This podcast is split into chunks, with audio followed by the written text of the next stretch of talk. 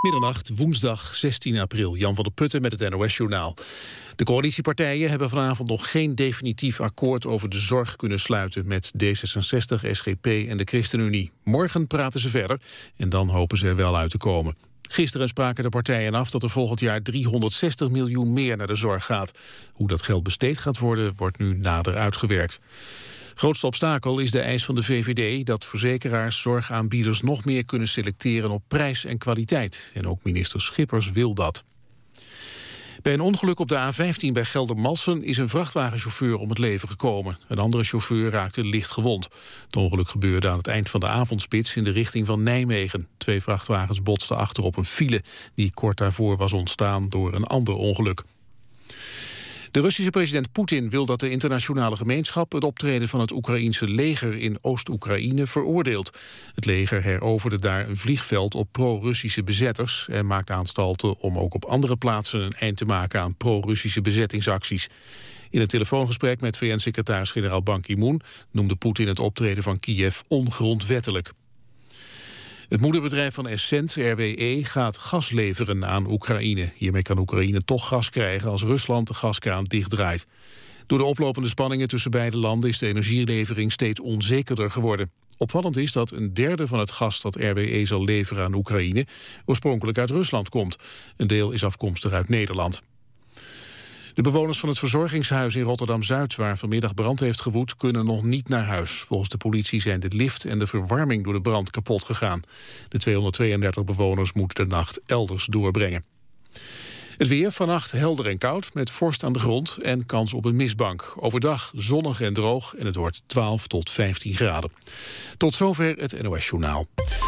Dan is er nog verkeersinformatie. Het gaat over de A15 Gorkum richting Nijmegen. Die is dicht tussen de afrit Leerdam en Knopendijl. Dat komt door dat ongeluk met die vrachtwagen. En naar verwachting blijft de weg nog tot drie uur vannacht dicht. Dat was de verkeersinformatie. Radio 1. VPRO. Nooit meer slapen.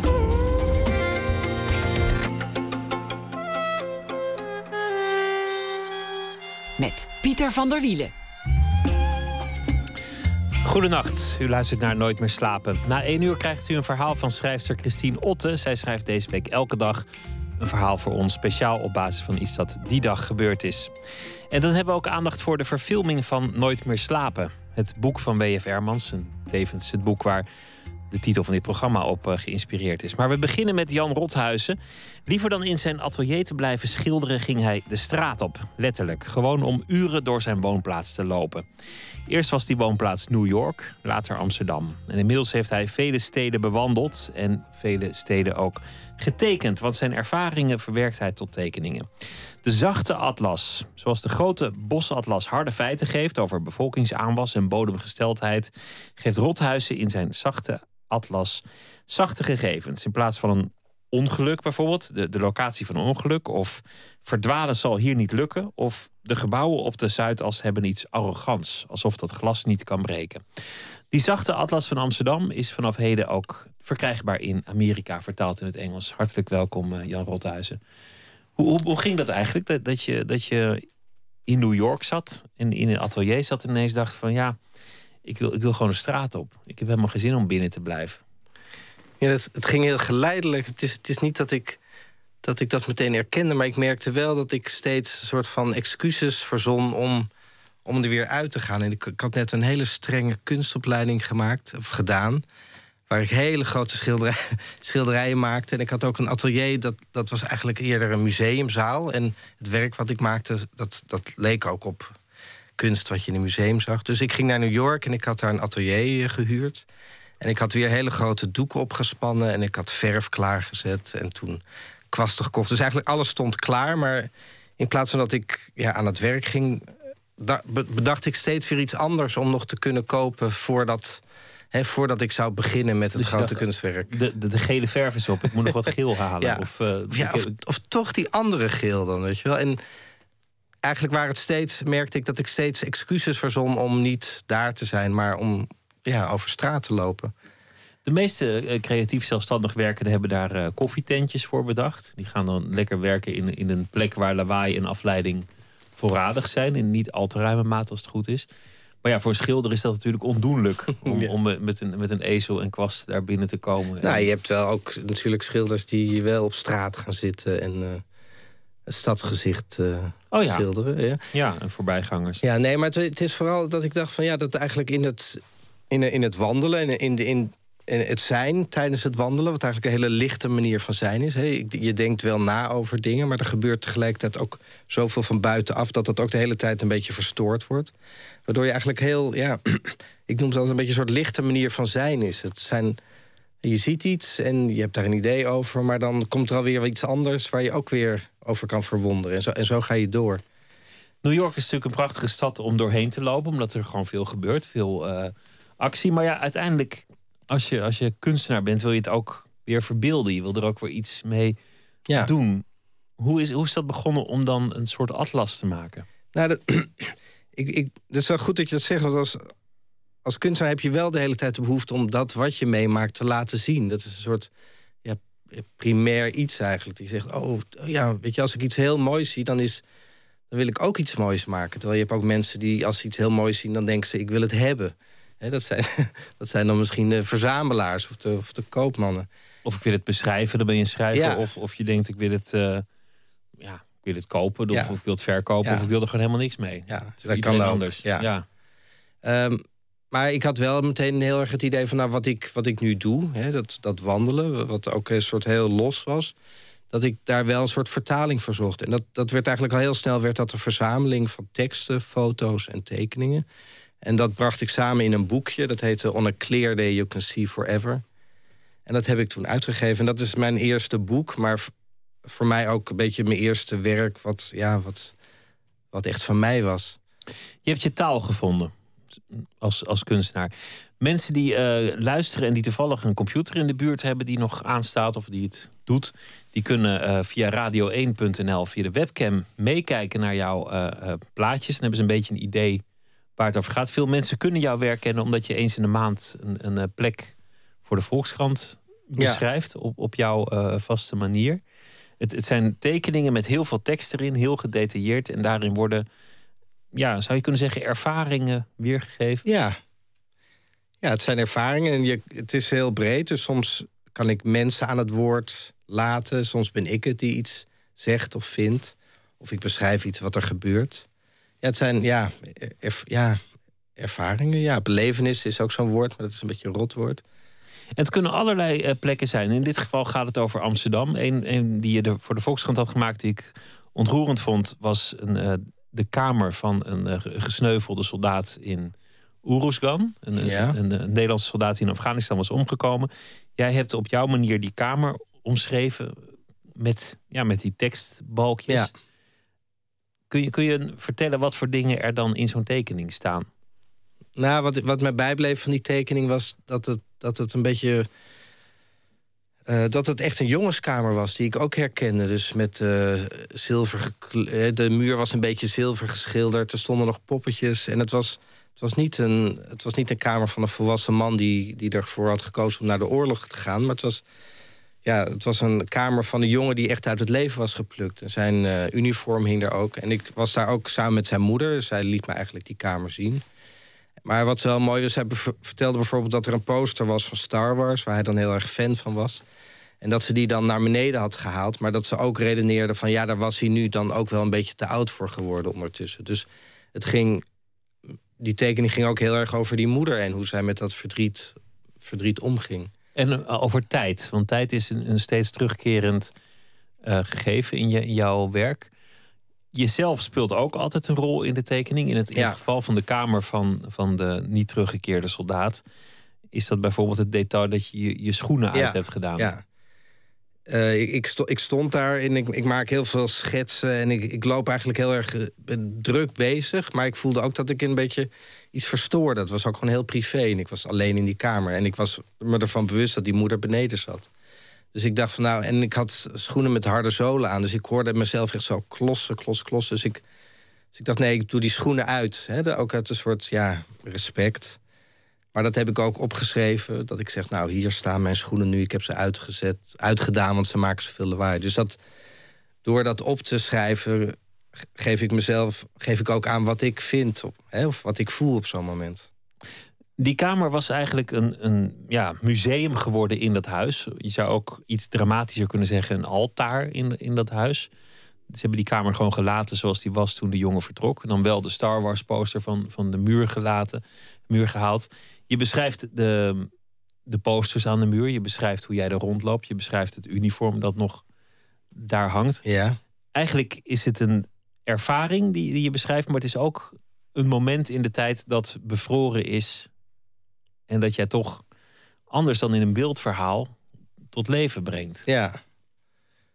Een stripverhaal, want, want je, je werk wordt vaak vergeleken met strips. Maar dat, is- dat is eigenlijk iets anders, want een stripverhaal begint gewoon bij het begin. Kuifje gaat op Ja. avontuur. Kuifje komt een bandiet tegen. Ja. Kuifje moet naar. Ja, het eh, zegt het dan natuurlijk dat het een strip is. Hè? Het is een strip van plaatjes die je net als een tekstregel van, hè, van links naar rechts leest. En eh, nou, ik hou heel erg veel van strips. En ik heb ook heel veel strips gelezen. Maar eh, het, wezenlijk verschil is dat ik, dat ik eigenlijk alles in één beeld samenbreng. En dat, er niet, dat ik niet zeg, nou, je moet hier beginnen of daar beginnen. Nou, ik geef het, ik geef het wel een beetje aan. Er zijn wel, soms zijn teksten groter, waar- waardoor ik denk van, nou, dat is echt een soort introductie dan. Maar die introductie kan, ook, kan je ook halverwege de tekening lezen.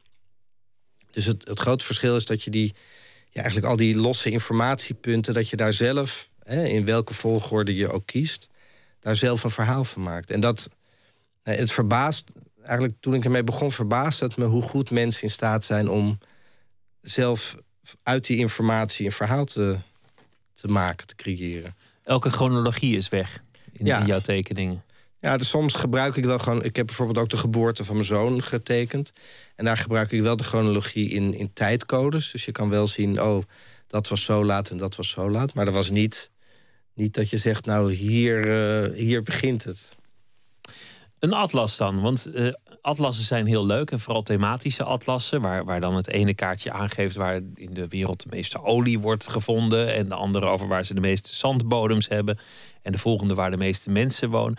Dit is ook een atlas. Ehm, hoe, hoe ga je te werk? Je, je loopt door een stad, je hebt aardig wat steden eh, bewandeld op deze manier. In dit geval Amsterdam. Hoe- begint het? Nou, het begon eigenlijk met Amsterdam dat ik, dat ik me realiseerde dat dat een plek was waar ik die ik niet die ik slecht gete die ik eigenlijk niet zo goed kende. Dus het was. eh, ik, ik kom uit Amsterdam, ik ben daar ge- geboren en ik heb er ja, veel gewoond. Maar ik merk dat mijn Amsterdam eigenlijk heel, heel klein was. Hè? Dat je steeds dezelfde plekken in je stad bezoekt, dezelfde mensen. En dus nou, het begon ermee dat ik een aanbieding kreeg om drie maanden in Amsterdam Zuidoost te wonen. Nou, dat, dat is, vond ik sowieso wel heel interessant, omdat ik realiseerde dat ik die, dat stadsdeel echt zo niet kende. Dus om vanuit, in je eigen stad vanuit zo'n ander perspectief opeens je eigen wereld weer te bekijken, was gewoon heel, ja, dat is gewoon heel spannend. Je, je kende Manhattan inmiddels op je duimpje, maar Amsterdam Zuidoost was Ja. je eigenlijk nog niet geweest. Ja, ja, ik realiseerde me dat ik vaker op Manhattan was geweest dan, dan Amsterdam Zuidoost. Ja.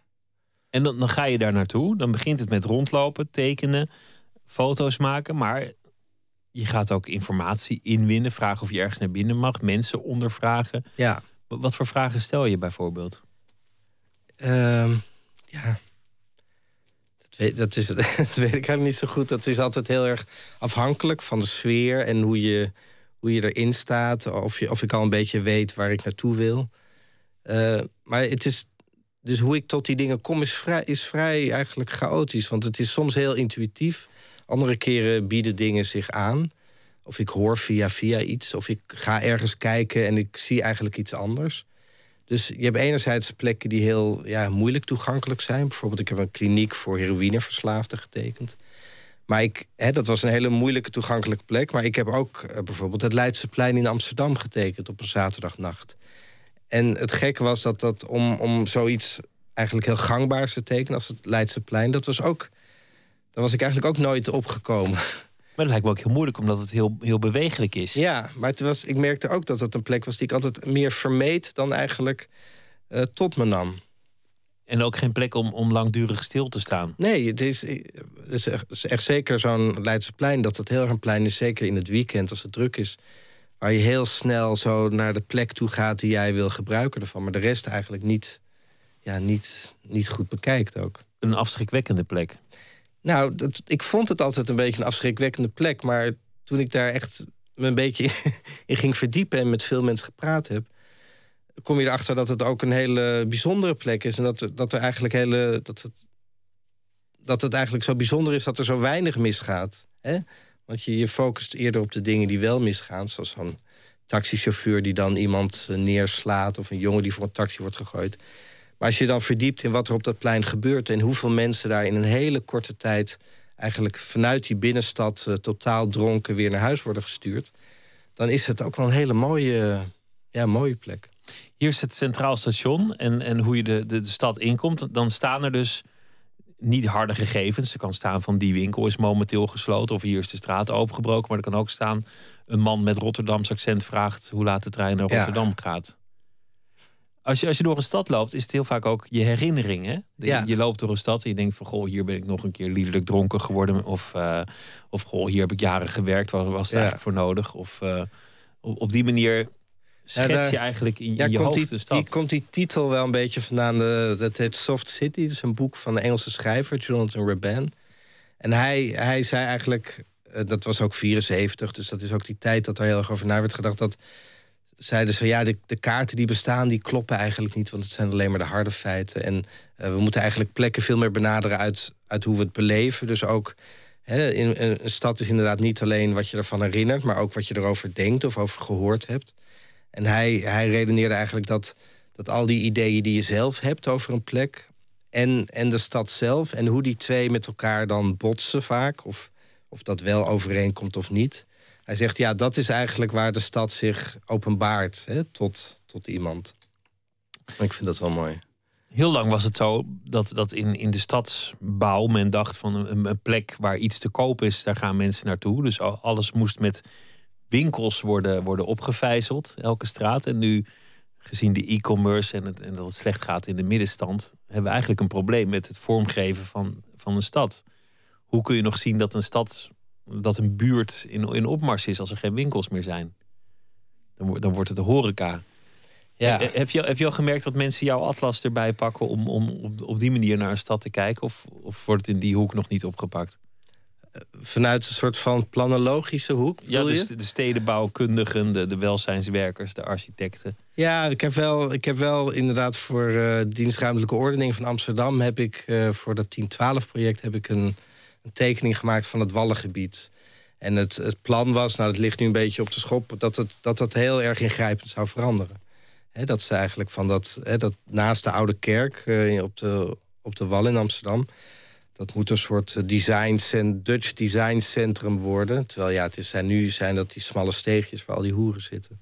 Dus dat, ja, dat soort dingen wel. Maar je hebt het. En, dus dat was echt een opdracht om eigenlijk. Kan je laten zien wat er is nu. Kun je, kun je beschrijven wat er op de wallen gebeurt? Ja. Wat een, uh, wat een uh, inspirerende opdracht. Ja. We, we, hebben muziek uitgekozen die, die losjes inhaakt op het, uh, op het thema. de zachte atlas, allemaal liedjes die over een, een of andere vorm van zachtheid gaan. En dit is een nummer van de Belgische groep Deus. En het nummer heet Softfall.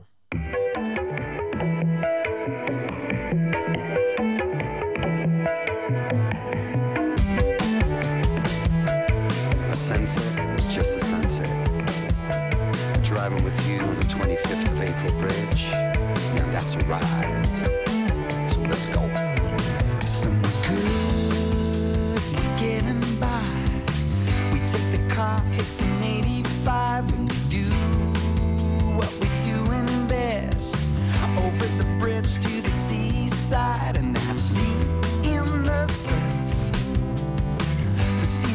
Kids do somersaults, and that's you. You got some nerve.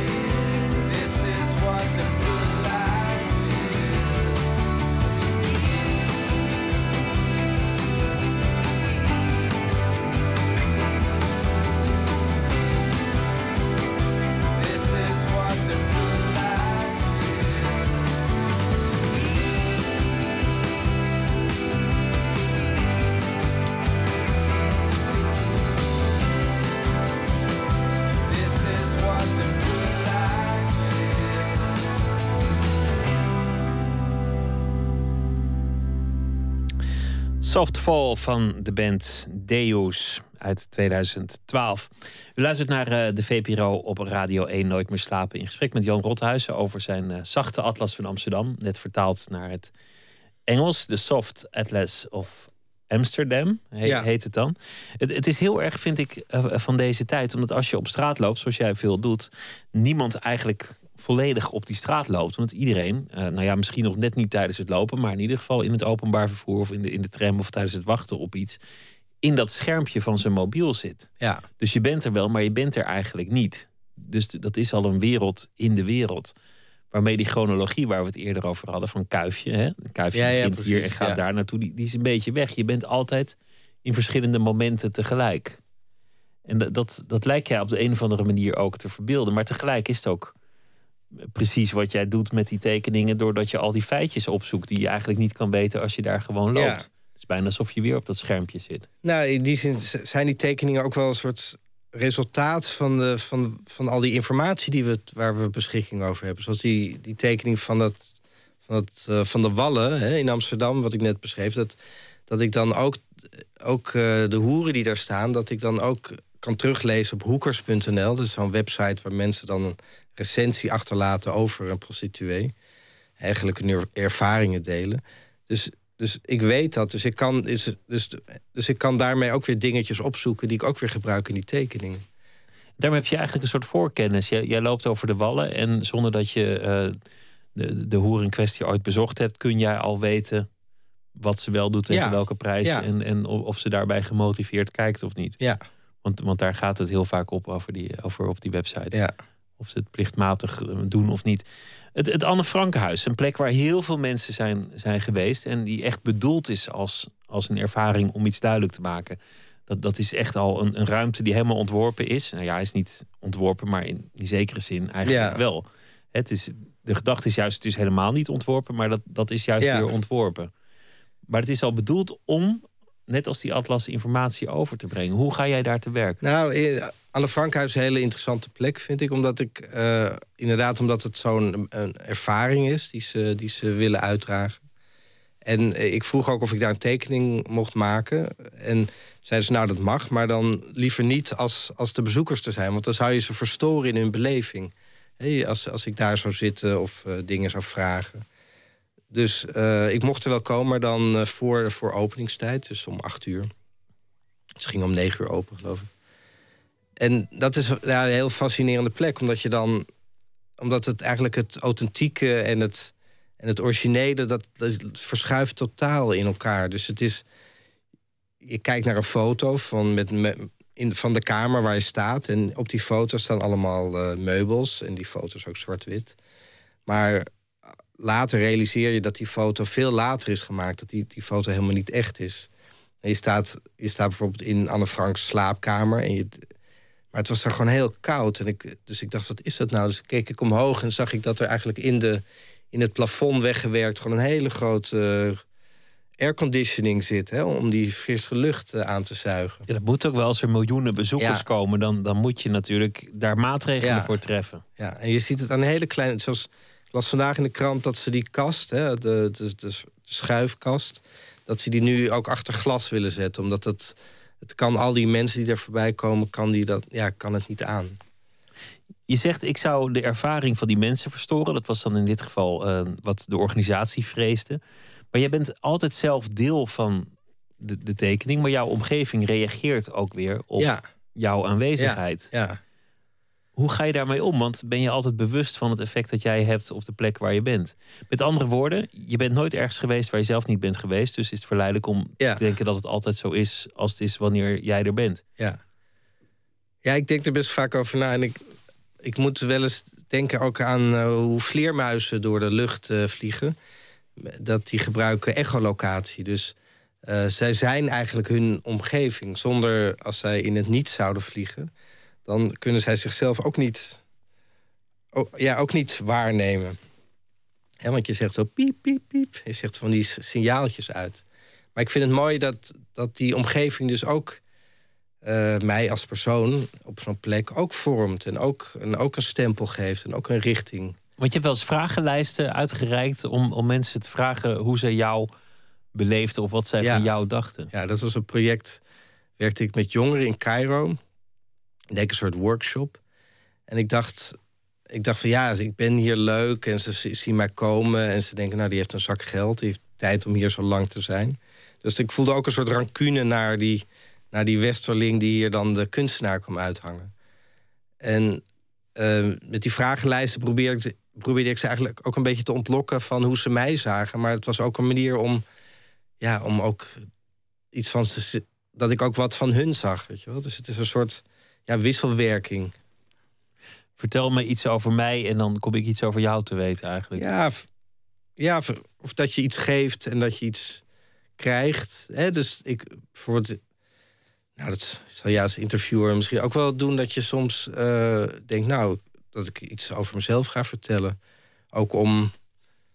Om die ander uit de tent te lokken Ja. of, of hopeloos te intimideren. Of, ja, eh, ja, meestal niet te intimideren, maar nee, misschien meer een soort van. Maar, ja, ja. Ja. maar ehm, je, je noemt ook Cairo. Je hebt, je hebt inmiddels dit soort projecten in heel veel steden gedaan. In, eh, in Amsterdam, New York, eh Cairo, eh Beirut. In China ben je geweest, naar, naar nog een aantal plekken. Utrecht. Cairo lijkt me een overweldigende stad. Lijkt me, lijkt me ook een, Ja. een, een vermoeiende stad. ja, een hele heftige stad. Ja. En ook in die zin heel anders werken. Hoe, Ja. hoe, hoe lang duurt het voor je enigszins een beeld hebt en kunt beginnen aan, aan je tekeningen? Ja, je, dat, dat hangt. Je kan, je kan de, eerst, de eerste moment beginnen. En dan, maar dan weet je ook heel erg goed dat de dingen die je dan ziet, dat dat de dingen zijn die je, die de, die je als beginneling ziet. Of die je als, eh, hè, als, eh, als eerste ziet. Het zijn vaak bijvoorbeeld dat je vakantie, de eerste vakantiefoto's die je maakt, dan vind je alles nog bijzonder. Dan iedere palmboom is een, is een foto waard. En het duurt, het duurt gewoon veel langer voordat je een stad een beetje begrijpt. Of dat je een beetje voelt van wat, er- wat eronder ligt. En Cairo vond ik wel een mooi voorbeeld van dat ik steeds het gevoel had, want ik was daar voor de revolutie, dat ik steeds het gevoel had van nou, dit is een stad die zo, zo dramatisch stil blijven staan. Er is, hier een, er is hier een oorlog gaande, maar die oorlog is niet, is niet agressief, maar is gewoon een soort slijtage. Is er, alles was kapot en, en eigenlijk was alles nog zoals het was in de jaren 50, maar dan hopeloos versleten. Dus die onhoudbaarheid van die situatie, het feit dat die revolutie daar kwam, dat. Ik, ik was wel verrast, maar ei- eigenlijk ook niet. Want dat was. Ja, dat, je voelde gewoon die, die, die, die, die woede. Hè? En ook wel de. Maar iedereen Wachten. zei juist toen, toen die eh, revolutie uitbrak. Dat niemand het er ooit over had. Dat die, dat die onvrede overal aanwezig was. maar dat het een soort stilzwijgende afspraak was om het er maar niet over te hebben. Ja, Misschien onder intimi, maar zeker niet tegen, tegenover een nee, het was een heel heftig regime natuurlijk ook. Heel, heel onderdrukkend. En dat is ook. Ja, er waren wel de hele tijd relletjes, maar dat bleef allemaal best wel klein. Of het ging over brood of eh, dat soort dingen. Maar dat dat zo geëxplodeerd is, dat, dat, ja, dat begrijp ik toch ook wel. Hoe heb je dat in je tekeningen verwerkt? Nou, dat, ja, ik, heb de tekeningen die ik in, in Cairo heb gemaakt, heb, ben ik, dat zijn niet zo heel veel tekeningen, maar dat zijn eigenlijk vooral wandelingen. En waar ik echt heel erg, nou, wat ik net beschreef, zoals die echolocatie, dat ik vooral tekende wat mij, wat mij omringde, omdat het ook zo overweldigend was. Dus het geluid, eh, de mensen, de, een dode rat die naar me toe werd gegooid. Een dode rat? Ja. Ik liep door een, eh, door een oude arbeiderswijk, maar die, lag, die ligt vlakbij de Nijl. Dus het is, de grond is gewoon heel, heel veel waard. En ik, ik had voor, voor dat project in Cairo had ik ook een wit linnen pak laten maken. Dat telkens als ik ging wandelen, deed ik dat, dat pak aan.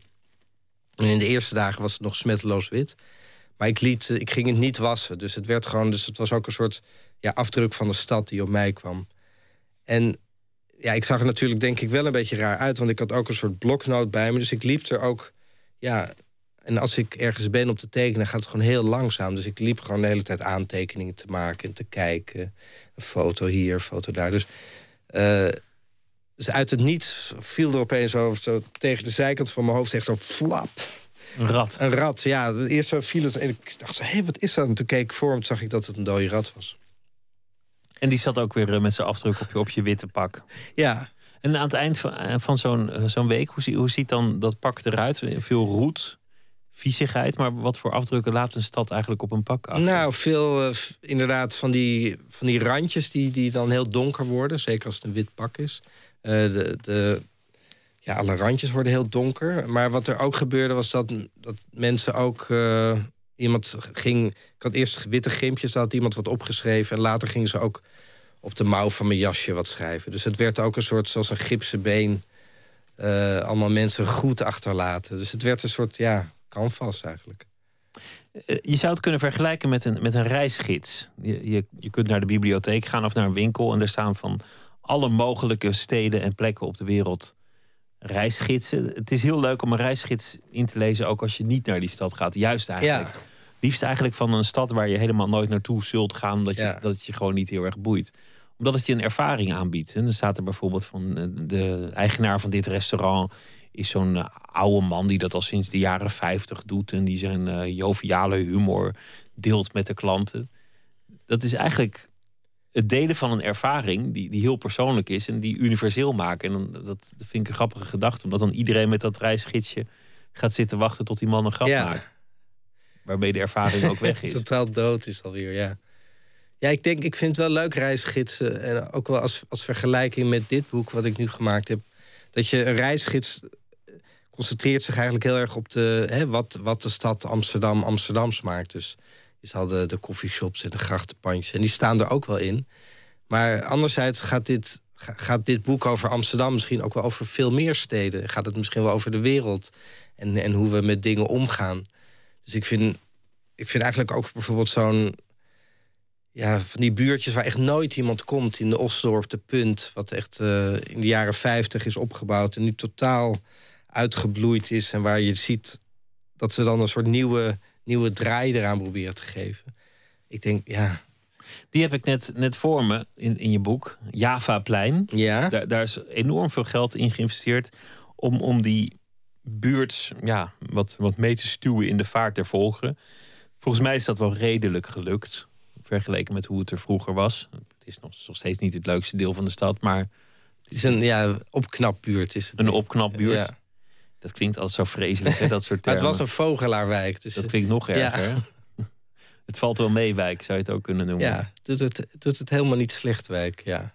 Wat het lukt ook niet helemaal. Hè? Dus in die zin is, is, het, is de Indische buurt in Amsterdam wel interessant. Dat het, eh, het lukt een beetje. Maar ook eh, bijvoorbeeld die Javastraat, die daar zo centraal loopt... dat, dat blijft gewoon een soort jungle van belwinkeltjes... en eh, Turkse groenteboertjes. Dus, maar die spanning is wel is, is mooi in die buurt, vind ik. Hoe ga je, hoe ga je daar. Want, want je, je wil een soort sfeer schetsen. Je wil eigenlijk ook een soort geschiedenis schetsen. Je wil eigenlijk alles in die tekening erbij klodderen. Maar dat liefst aan de hand van details. Historisch monument staat er dan bij. Of eh, ehm, sociale woningbouw. Of, of dat soort dingen. Maar hoe, Ja. hoe vang je nou de, de ziel van die buurt? Nou, ja, ik vind dat de ziel van de, de, de ziel van de stad... of de ziel van de buurt, daar ben ik altijd een beetje kriebelig voor. Maar ik snap wel wat je bedoelt. Nee, je, ja, je, je gaat toch ook gewoon kijken... Nou, het is wel grappig dat je altijd een soort idee hebt... een soort intuïtie over iets... eh, wat wel klopt of wat niet klopt... of iets waar, waarvan je denkt dat het gaande is. En daar zoek ik, maar ook niet heel bewust hoor... maar daar zoek ik vaak dan ja, dingen bij of dingen voor. En bijvoorbeeld hier heb je wel dan een... dat er op dat Javaplein een designwinkeltje zit... met jaren 50 meubels. En die vrouw die redt, het, die redt het maar net. En die vrouw die wil wel heel graag dan met de, ja, met de Surinaamse... en eh, Turkse en Marokkaanse winkeliers... een soort winkeliersvereniging beginnen. Maar dat, ja, dat lukt dan eigenlijk niet.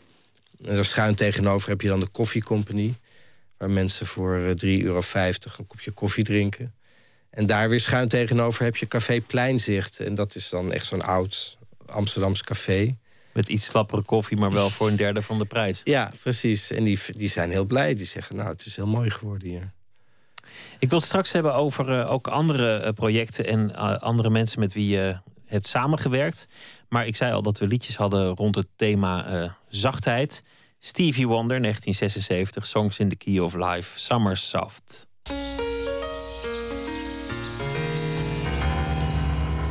Summer soft wakes you up with a kiss to start the morning off.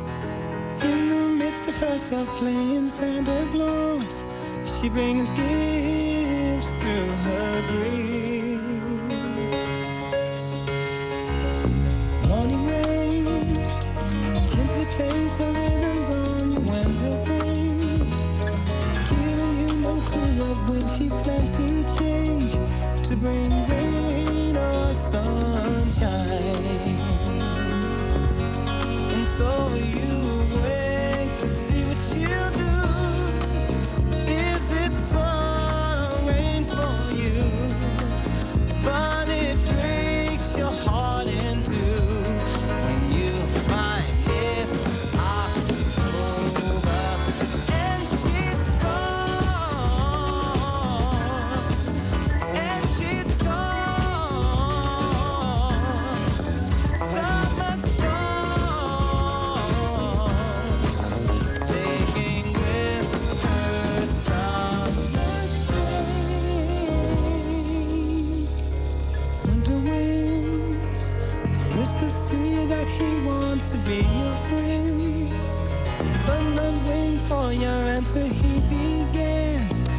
forcing danger's way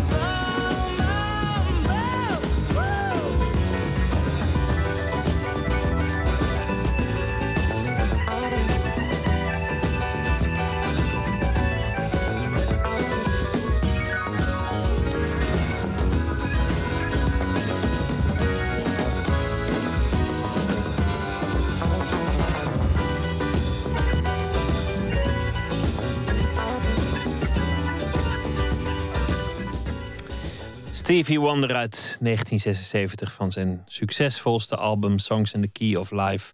Het nummer Summer Soft. In gesprek met Jan Rothuizen, de Soft Atlas of Amsterdam. Ik zei in vertaling, maar dat, dat kan eigenlijk niet. Als, als de, de tekst zo deel uitmaakt van, van het werk, van, van de tekening, dan, dan heb je het gewoon helemaal opnieuw moeten maken Ja. eigenlijk. Hoe, hoe, Ja, soms dacht ik dat? het bijna meer werk was om, om het te vertalen dan om een nieuwe tekening te maken. Eh, nee, het is gewoon eh, vertaald door een vertaler. En eh, die, die heeft dat allemaal opgeschreven. En dan kijk ik ernaar en dan teken ik het in de tekening. En dan gaat de tekening nog een keer naar een corrector... om te kijken welke fout ik allemaal heb gemaakt in de vertaling. En of het, of het helder is, of het begrijpelijk is. En dan, dan is het klaar. De chronologie is in jouw werk ehm, naar de haaien. Dus ik wilde eigenlijk ook in dit gesprek gewoon de chronologie loslaten. En gewoon helemaal teruggaan naar het begin. Want, want we begonnen ermee dat jij in New York zat in een groot atelier. Dat daar om de haverklap de gele verf op was of de kwast. En dat je dacht, ik, Ja. moet, ik moet weer de straat op, want dat, dat eh, boeit mij. Dat leidde tot dit werk. Maar er, er zat natuurlijk een hele fase vooraf. Namelijk dat je had besloten om kunstenaar te worden. Een, een opleiding had verlaten in Nederland. En dacht, ik moet naar New York en daar huur ik een gigantisch atelier. Dat is een moedige stap Ja. voor, voor een jonge man. Ja. Hoe, hoe is dat gegaan? Ja, nou, ehm, ik kwam maar een beetje toevallig. Ik was uitgenodigd om een soort summer school te doen in Maine, in de bossen daar. En toen dat afgelopen was, had ik geen zin om terug te gaan en ben ik gebleven. En ik ben totaal iets van anderhalf à twee jaar in New York gewoond. Maar het is, het is, als, je het, als je het nu zo zegt, dan denk je... oh, wat een, wat een wijs, hè, dat je dat zo heel erg beslist of uitstippelt. Maar zo, ja, zo, zo ging dat niet. Het was meer van zoals het liep. Ik denk, eh, het, het grote leven was begonnen. Op Ja. Manhattan, Ja, als een bohemien, een groot atelier... in, Ja. het, in het centrum van, van de wereldkunstmarkt. Om, omringd door enorme namen. ja, Je hebt eh, Keith Haring persoonlijk goed gekend. ja, Om, om maar iemand te noemen. Nog, nog ook heel veel andere namen. Maar ik denk dat dit de bekendste is. ja. Ook wel, ook wel grote invloed was dat voor mij. Ik, ontmoette hem toen hij een grote tentoonstelling had in Amsterdam... in het Stedelijk Museum. En eh, we zagen hem... Ik, ik deed toen al met vriendjes... deden we veel graffiti op straat. En eh, wij waren er ook vrij vroeg mee... omdat in de buurt waar we woonden... in het keurige Amsterdam-Zuid... zat een galerie. En die heette Jaki Kornblit. En die bracht eigenlijk al heel vroeg, jaren tachtig... bracht die graffiti-kunstenaars naar Nederland... om daar werk te tonen. Maar die graffiti-kunstenaars maakten ook eh, gewoon in, in Amsterdam dan graffiti, de pieces. Dus wij waren al heel vroeg daar heel erg van onder de indruk. En dus toen wij Keith Haring op straat zagen... toen herkenden wij hem ook meteen. En toen sprak je hem aan als een, als Ja. een fan. Ja. En, dat, en wat, dat vond hij leuk of, of versnelde hij zijn pas? Nee, dat vond hij heel leuk. Hij was ook wel een beetje verloren in Amsterdam. Want hij zat in een soort hotel waar... eh, ja, dat was gewoon heel leuk. En we hebben hem ook toen veel geholpen... met het kopen van verf en spuitbussen en eh, dat soort dingen.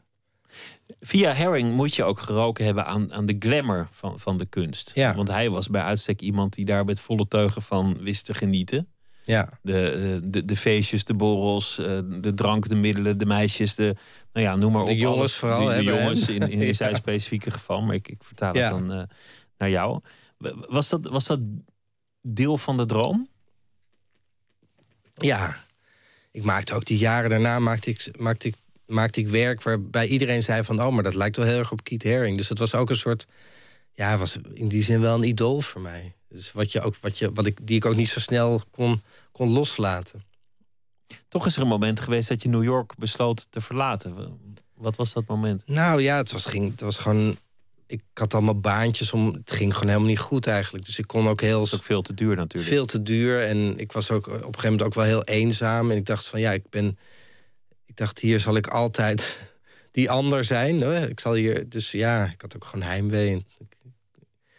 Het realisme won Ja, uiteindelijk precies, toch ja. van, van de grote droom. In, in die tijd maakte je werk dat, of, of eigenlijk iets later, dat redelijk lijkt op wat je nu doet met, met die atlassen, maar dan een, een atlas van jezelf, compositietekeningen. Ja, ja, Zoals, zoals de politie, als jij iets eh gemeens zou doen, een, een robottekening van jou zou laten maken en die door de hele stad zou plakken Ja. van, van eh, waar zit hij. Zo maakte jij verschillende tekeningen van jezelf aan de hand van gemoedstoestanden. Kun, Ja. kun je uitleggen wat dat voor werk was? Nou, ik, ik noemde dat de zelfverzamelaar. Dat was eigenlijk een, een, een serie van werken... die gingen heel erg inderdaad over, eh, over, mij, over mij... maar ook eigenlijk over identiteit al- als, eh, in het algemeen. Dus ik, ik verzamelde bijvoorbeeld foto's van mensen die op mij leken. Die knipte ik uit. En die hing ik dan in een hele lange lijn. Dus begon het bij een fotootje van een baby. En dat eindigde bij een, een oude dode man. Maar dat was dan wel een installatie hè, van allemaal van die kleine fotootjes op ooghoogte langs de muur. En dat, die was wel, geloof ik, 13 meter lang, de langste versie. Dus van een leven. Ja, van een leven. En wat wel mooi was, dat zelfs mijn vader er dan langs liep. En dat hij na, af- na afloop toch niet kon geloven dat ik er niet tussen zat. Dus je, je, ging- het ging eigenlijk over een soort. De, de algemene, ja, of de onzichtbare derde die je bent. Weet je, het hele. De onzichtbare derde. Ja, dat is een soort. Je, je creëert een soort diffu- diffuus beeld. Omdat je al die beelden van die gezichten krijgt. Dus ze hebben allemaal iets gemeen. En ik kon ze ook zo eigenlijk componeren dat ze in houding op elkaar leken. Of soms was de situatie. Maar dat, je, dat, ja, dat er iemand ontstond. Dus dat was een soort algemene deler was er.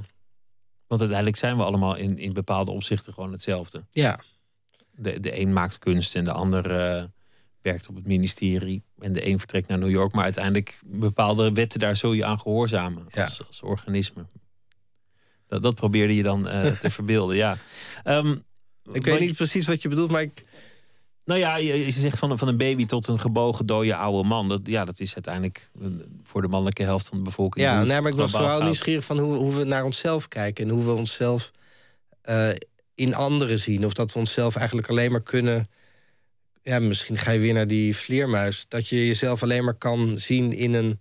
of in een groter verhaal. Of door middel van de mensen waar je aan spiegelt. Dus dat, dat vond ik... Dat vind, dat, en dat iedereen dat doet. En ik, in die zin is Facebook, vind ik ook zo fascinerend... dat iedereen daar een soort wereld creëert van zichzelf. En ze zijn zelf de regisseur. Je maakt een beeld van jezelf zoals je graag gezien zou willen worden Ja. door, door anderen. Ja, of ook, maar, ook niet, maar ook hoe je graag naar jezelf zou willen kijken. Dus het is ook heel. Het is ook. Ja. En daarmee ben je zelf ook, ook maakbaar geworden. Ik denk ook, ik denk ook trouwens dat, dat door Facebook... vroeger had je nog aparte compartimenten van, van je leven. Want dat, dat zat ook heel erg in die, in die eh, eh, zelftekeningen van jou. Ja. Dat iedereen een ander beeld van jou heeft. Dus, Ja. dus dan, dan zie jij jezelf door de ogen van heel veel anderen. Ja. Ehm, mensen zijn anders op hun werk dan bij hun familie, dan bij hun oma, dan in het café. Maar via Facebook wordt dat steeds meer één. Omdat dat er één beeld is waar al die werelden vaak samenkomen. Of je moet heel consequent al je collega's weigeren. Ja. Maar in die zin heeft, heeft, heeft jouw werk daardoor wel een soort actualiteit gekregen. Net, net als die chronologie. Het, het lijkt heel erg van deze tijd. Ja. Nou, ik denk dat dat. Is ook het feit dat mensen zo goed in staat zijn om vanuit die verschillende puntjes informatie dat verhaal samen te, te kneden of te smeden. En dat ook ervaren als een verhaal. dat is denk ik wel verworvenheid ook van, van de snelheid van de informatie die we, die we tot ons krijgen. We kunnen, ja, we kunnen heel makkelijk in heel korte tijd heel veel. Hè, we, bijvoorbeeld als ik eh, naar nieuwssites kijk of zoiets. Ik prik zo tik, tik, tik, tik. Weet je, ik ben heel eigenlijk. eh, Mensen zijn heel behendig erin, volgens mij. Behendiger misschien wel dan vroeger. Ja, het is aan de andere kant moeilijker om je aandacht een beetje constructief te verdelen over dingen. Ja, Om, om eens ergens eh, op, Ja. op te letten. Wie zijn de mensen van, van nu met, met wie jij jezelf ehm, zou associëren als, als kunstenaar? Want je, je noemde Keith Haring, dat was je grote held toen. Er zijn natuurlijk nu een aantal ehm, artiesten die, die gelijke dingen doen. Zoals jij, of, of dingen die er een beetje, een beetje op lijken. Met, met wie eh, zou jij ja, in één adem genoemd kunnen worden? dat vind ik altijd zo moeilijk. Dan- Het is echt zo'n vraag die ik moet voorbereiden. Want ik weet, ik vind heel veel dingen goed. Ehm, nou, ik, nou, ik kan wel iemand noemen, iemand, eh videokunstenaar Renzo Martens, die een film heeft gemaakt over, eh, eigenlijk over zielige mensen in Afrika. Maar daar heel erg op een hele mooie manier een soort van, van draai naar aan geeft. Waardoor je eigenlijk ook eh, zelf als kijker een soort van medeplichtig wordt. Hoe heet die film ook weer? In, iets in Congo is dat volgens mij. En Joe Secco, dat is die, die heeft eh, Palestijnse vluchtelingenkampen bezocht. En daar als een soort, ja, niet echt een stripkunstenaar, maar wel een soort gelijke cartooneske manier dat verbeeld met, met al die lagen. Hij, hij maakt nu dingen over, over de Eerste Wereldoorlog, doet ook historische dingen. Dat, dat, dat lijkt wel aardig op, op wat jij aan Ja. het doen bent. Ja, ik vind Joe Secco echt super mooi werk ook. Dus bijvoorbeeld, ik heb echt door zijn strips te lezen, bijvoorbeeld over de Palestijnse kwestie, eh, begrijp ik dat beter nu. Bijvoorbeeld omdat hij dan, die, je hebt wel die beelden van die Palestijnse kampen, maar dan tekent hij bijvoorbeeld in een plaatje hoe het er in het begin uitzag. En dan waren het gewoon allemaal tentjes. En dan zie je het volgende beeld, zie je dat dat. Dat die, dat die vorm van die tent is er nog wel. Alleen dan is dat nu een gebouwtje met vijf etages. Weet je? Dus ja, ik vind, dat heel, ik vind hem heel. eh, Die, Joe Secco die, die zei in een, in een interview wat ik, wat ik ter voorbereiding las, dat hij strip en tekening bij uitstek een manier vond, juist in deze tijd om dingen te verbeelden, omdat je met, met plaatjes of met foto's of met tekst dat eigenlijk niet meer voor elkaar kreeg. Omdat je die gelaagdheid het makkelijkste in zo'n tekening kwijt kunt. Is dat iets wat je herkent? ja, ik, ik kan niet iets heel anders. Dus ik weet niet of dit. Maar ik, ik- wat ik wel Het mooi is nou vind. eenmaal je taal geworden. Ja, en, en het, is, het past vooral heel erg bij mij. Maar wat ik mooi eraan vind, is dat je wel een soort afstand hebt. Dus een foto is toch is veel indringender. Dus door iets te tekenen, en bijvoorbeeld ik teken ook zeker in situaties die heel heftig zijn, hè, zoals dan soldatenkamer. Ik teken eigenlijk bijna nooit, nooit mensen. Dus ik geloof wel dat door die afstand die je kan scheppen met, met tekeningen, in combinatie met tekst, dat je kan benoemen wat, hè, wat je niet kan zien, maar dat je, hè, dat, ja, ik merk wel dat het een soort. eh, dat, dat er veel ruimte is, omdat de mensen het niet als bedreigend ervaren. Dus ik kan ook plekken tekenen waar fotografen bijvoorbeeld niet worden binnengelaten. Zoals het, een tekening van het grenshospicium gemaakt op Schiphol. En dan kan je eigenlijk op een hele soort van bijna ja, gespeelde, objectieve manier kan je dat laten zien. Dat je zegt, oh, nou, kijk, dit zijn de cellen en hier zit dan iemand. Maar als je dat dan ziet en getekend is het, dan zie je ook de waanzin van hoeveel cellen er zijn en hoe klein die cellen er zijn. Terwijl je dat met, met als fotograaf zou je één beeld moeten nemen. ja, dan moet je toch veel iedereen meer bij blijft. Ja, Maar, maar we hebben al zoveel beelden gehad dat, dat iedereen een beetje platgemapt is Ja. met, met beelden. En, en tekst, daar hebben we ook al zoveel van gehad. Dus misschien Ja. dat het ook wel de frisheid van het, van het medium is... waarom dat soort tekeningen vaak gebruikt worden tegenwoordig. ja, Je gaat nu naar eh, Irak binnenkort. ja, 24e. Wat, wat ga je daar doen? Ik ga samen met eh, fotograaf Dirk-Jan Visser en Martijn van Tol... gaan we naar Domis, een kamp in eh, Noord-Irak. En daar, is, ja, daar zitten 10.000 Syrische vluchtelingen al bijna twee jaar nu. En we gaan dat ja, vastleggen, tekenen. Vastleggen, tekenen gewoon op, op dezelfde manier zoals Ja, eh, het wordt hier zijn de latrines. Ja, maar het wordt wel iets meer een soort. Ik ben er een week, dus ik ben er ook echt wel lang. Eh, en het wordt ook een webdocumentaire. Dus, we de, dus de bedoeling is dat de tekeningen en de film en de foto's en het geluid. dat dat één, ja, één ding wordt. Wat je eigenlijk als een soort scrollverhaal kan je dan daar. Ja, kan je dat bekijken. Weer, eigenlijk weer een nieuwe dimensie aan, eh, Ja, aan, het werk ja. dat je maakt. Ja, En je gaat ook, eh, ook weer naar New York waarschijnlijk om, om dit, boek aan de man te brengen. ja nou dat ook. ja, maar ook om eh, opnieuw werk te maken. Dus ik ben uitgenodigd om naar Brooklyn te komen om ja, tekeningen van Brooklyn te maken. Aan de hand van een journal dat is verschenen in 1670. Is daar een Nederlander aan, aan eigenlijk naar New York gegaan.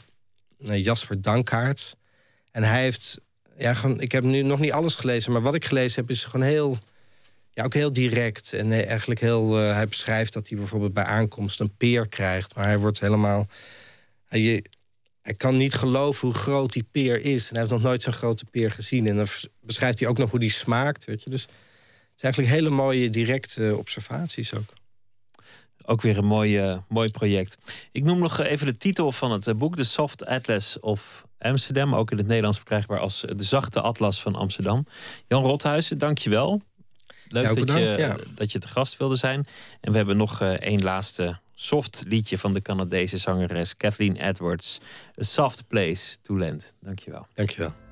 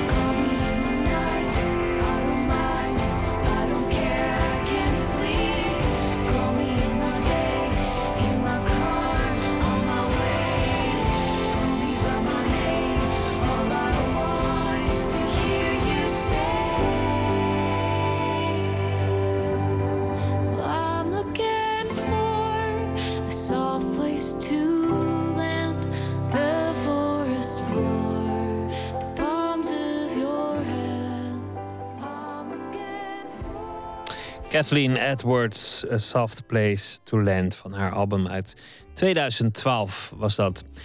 Straks in Nooit meer slapen krijgt u een verhaal van Christine Otte. Zij schrijft ze en schrijft elke dag deze week een verhaal. Speciaal op basis van iets dat die dag zich heeft eh, voorgedaan. En we gaan het ook hebben over de verfilming van eh, W.F. Hermans boek Nooit meer slapen. En we gaan het hebben over de architectuur in Nederland. Eerst even het nieuws. Twitteren, het VPRO NMS of mailen nooit meer slapen, vpro.nl. Tot straks. Op Radio 1. Het nieuws van alle kanten.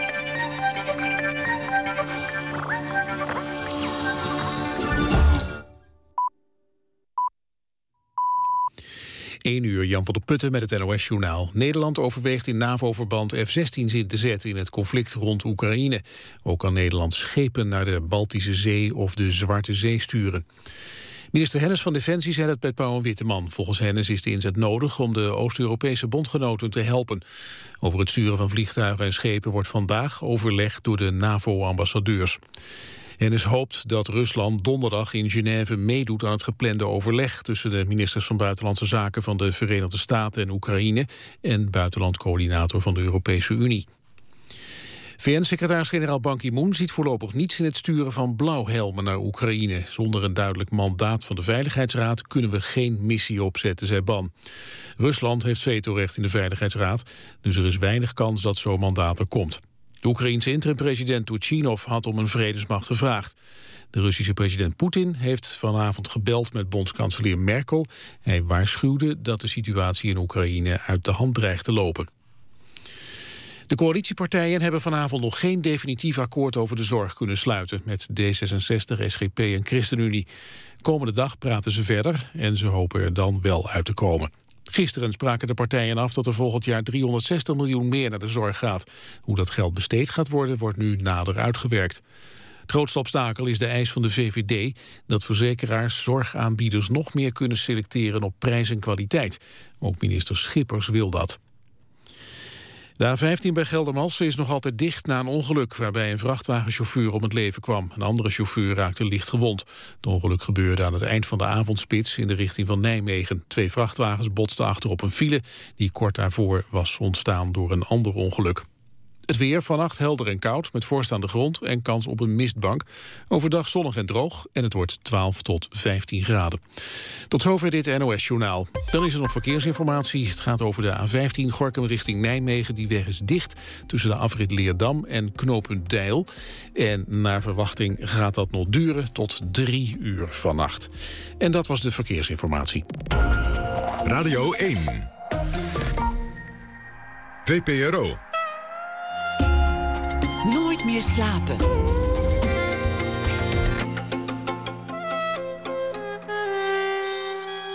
Met Pieter van der Wielen.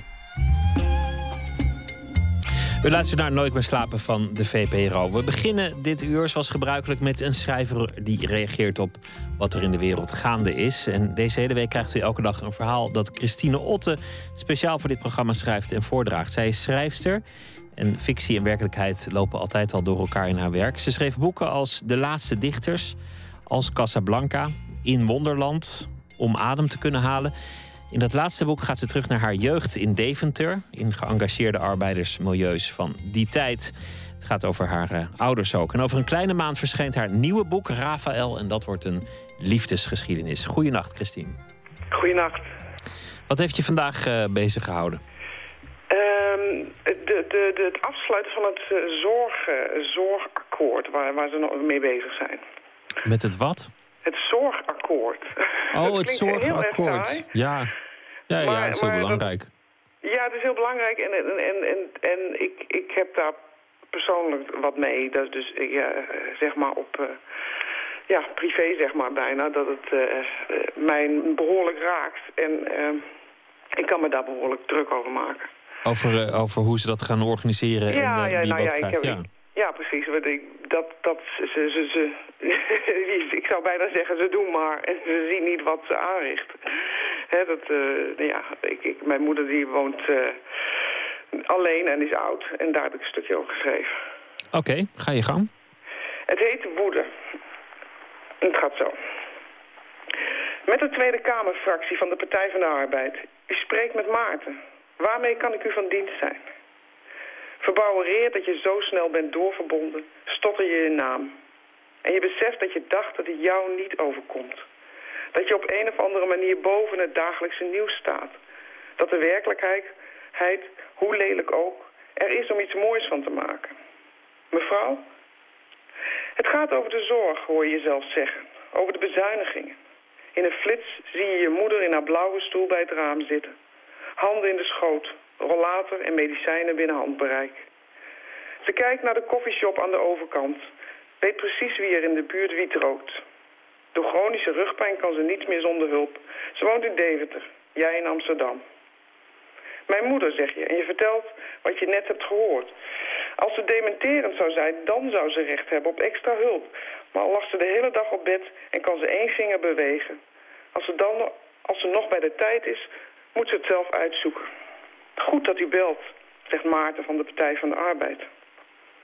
Jullie hebben die regels zo gemaakt, zeg je, samen met de VVD.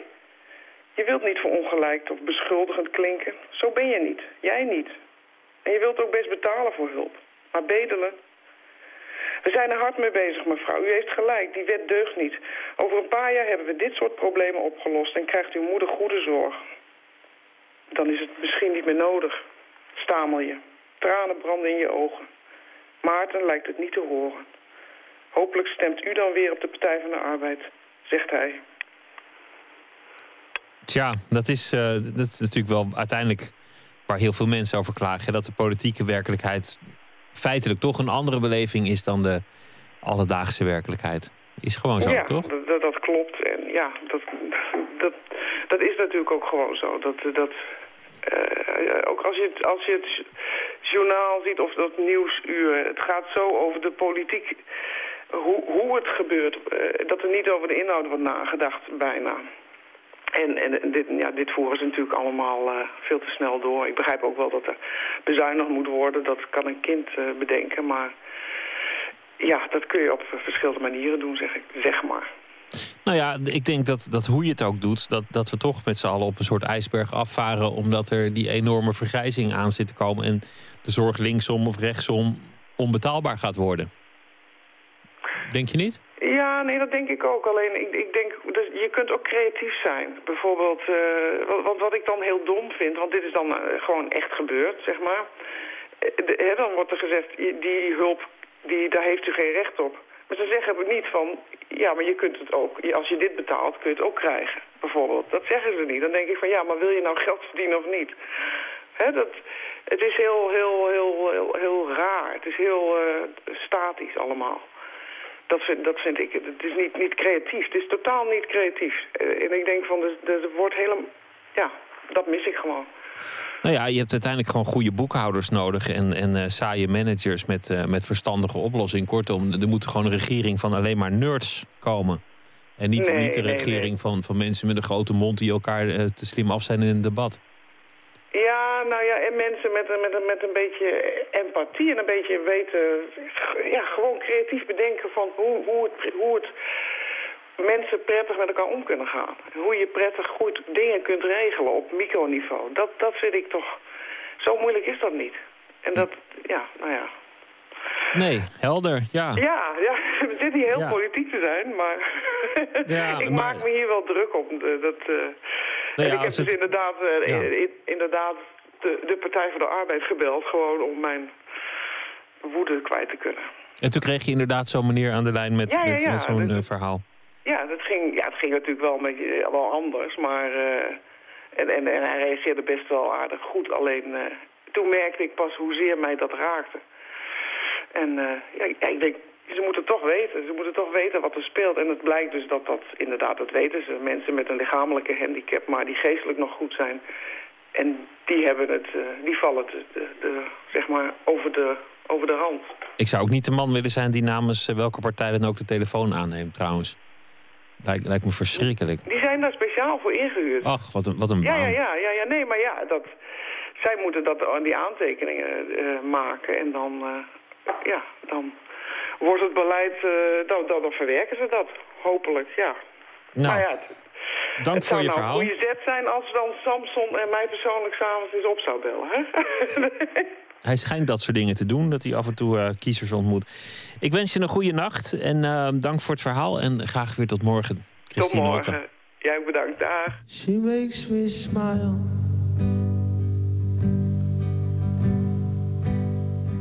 She thinks the way I think.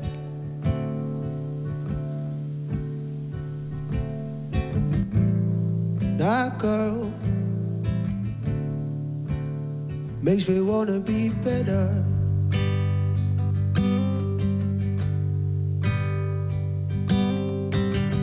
Took her down Bleecker Street. Saw she drank the way I drink. And I kissed the sky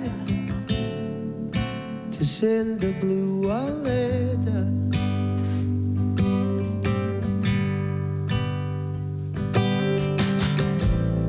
That girl makes me wanna be a better man. Yeah, and should she see fit, gonna treat her like a real man can.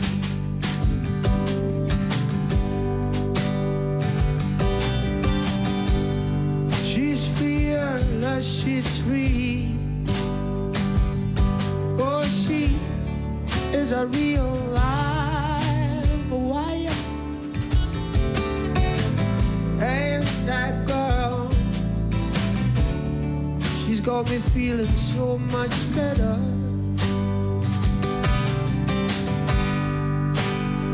Oh, you trade all the money in the world just to see this a girl smile. And all the while, she'll make you feel so much better. Oh, that girl makes me wanna be a better man.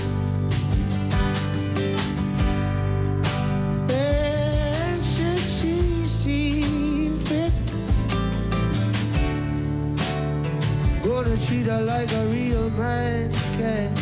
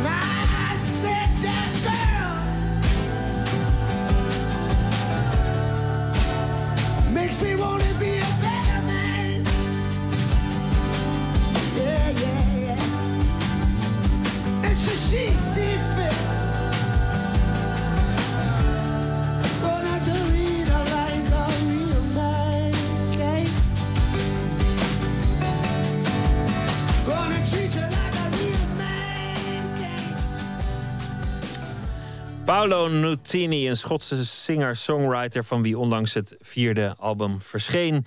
En eh, dit nummer heette Better Man.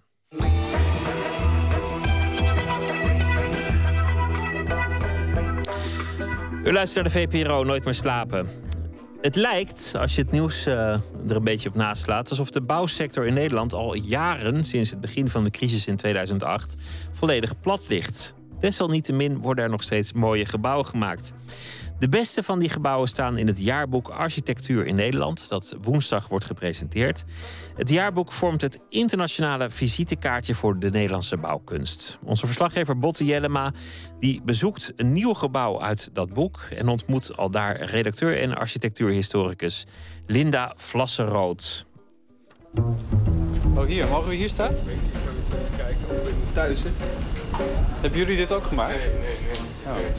Ja, het leuke is dat in deze straat gewoon in tien jaar heel veel gebeurd is. Toen wij begonnen tien jaar geleden was er echt nog bijna niks nieuws. Maar langzaamaan is het natuurlijk, ja, van het een komt het ander. En dan begint iemand met nieuwe dingen maken. En dan, ja, dat stimuleert andere mensen ook weer om dingen te doen. Ja. Michiel, jij bent van het uh, architectuurbedrijf wat, uh, wat hier verschillende dingen heeft gemaakt. Onder andere de houten huisjes die even verderop staan. We staan nu even in een portiekje, want het weer is een beetje wild. Maar we staan wel buiten in de Wenslauerstraat. Dat is En goed, dat klopt. Daar hebben jullie meerdere projecten gedaan eh, als eh, bedrijf. Tobias, jij ook? Ja. Of van architectuur? Eh, van MBH, ja. We hebben, eerst hebben we een stalen huisje gebouwd. Dat zie je verderop in de straat. Het is, een, eh, het is eigenlijk een verwijzing naar een oud uh, ambachtsloodje. Het is een uh, grote... Het is een heel klein huisje, maar het heeft hele grote uh, uh, puien, puien, dus glazen ramen en met stalen luiken daarvoor. Ja. Dus dat is ook weer een soort ambachtelijk detail zit daarin. En... Laten we even voordat je verder gaat uitleggen, even uitleggen. Deze straat ligt in Oud-West van Amsterdam. Ja. Um, dit is een straat waar wel hoogbouw is. Het is de drie lagen in een kap. Hoe noemde je het nou net, Michiel? Maar het leuke van dit straatje is, leggen jullie me net uit dat er nog huisjes tussen staan van, van voor die tijd. Die, eh, die inderdaad die werkloodjes hadden. Eh, Ja. En, en Nou, we zagen er ook polderhuisjes, polderhuisjes die, die, wat verzonken uitzien. Het, maar- het polderpeil, hè, dat later is de straat een aantal keren opgehoogd. Hè. Voor, voor de stadsuitbreidingen werd vaak de, de polder werd, eh, werd een laag zand opgegooid, dat het, dat het niet zo drassig was. Ja. Hier merk je ook in de achtertuinen, dat is echt heel erg nat. Oh, dus ja, het, eh, als je hier naartoe fietst, dan merk je ook gewoon dat je gewoon, je gaat meer dan een meter eh, ga je omlaag. Ja. Die huisjes die zien, die hebben de vensterbank bijna op de stoep liggen zo ongeveer. Ja. En dat maakt dit straatje heel karakteristiek. Ja. En dan mogen jullie als architecten hier in deze straat huizen opknappen, renoveren of slopen en nieuw bouwen. Ja, en dan moet je wat we- verzinnen. Ja, eigenlijk hebben we alles gedaan. We hebben dus één pandje hebben we opgeknapt. En daarnaast hebben we dus een nieuw pandje eh, gebouwd. En hier eh, zijn het er drie op rij. Waarvan er eh, twee, eh, dat zijn weer individuele huisjes eigenlijk. Die hebben gewoon een tuintje. Het zijn gewoon eens- eensgezinswoningen. En daarnaast staat een eh, appartementengebouwtje met drie, eh, drie appartementjes boven elkaar. En hoe, hoe doe je dat? We gaan zo naar die huisjes toe. Maar hoe, hoe, hoe, hoe ga je vanuit dat idee van... nou, dit straatje heeft, kent heel veel verschillende bouwen. Kijk, dat- wat er nu staat, dat lijkt, is een soort afontwerp. Maar het is eigenlijk een ontwerp wat heel erg in de tijd, tijd is ontstaan.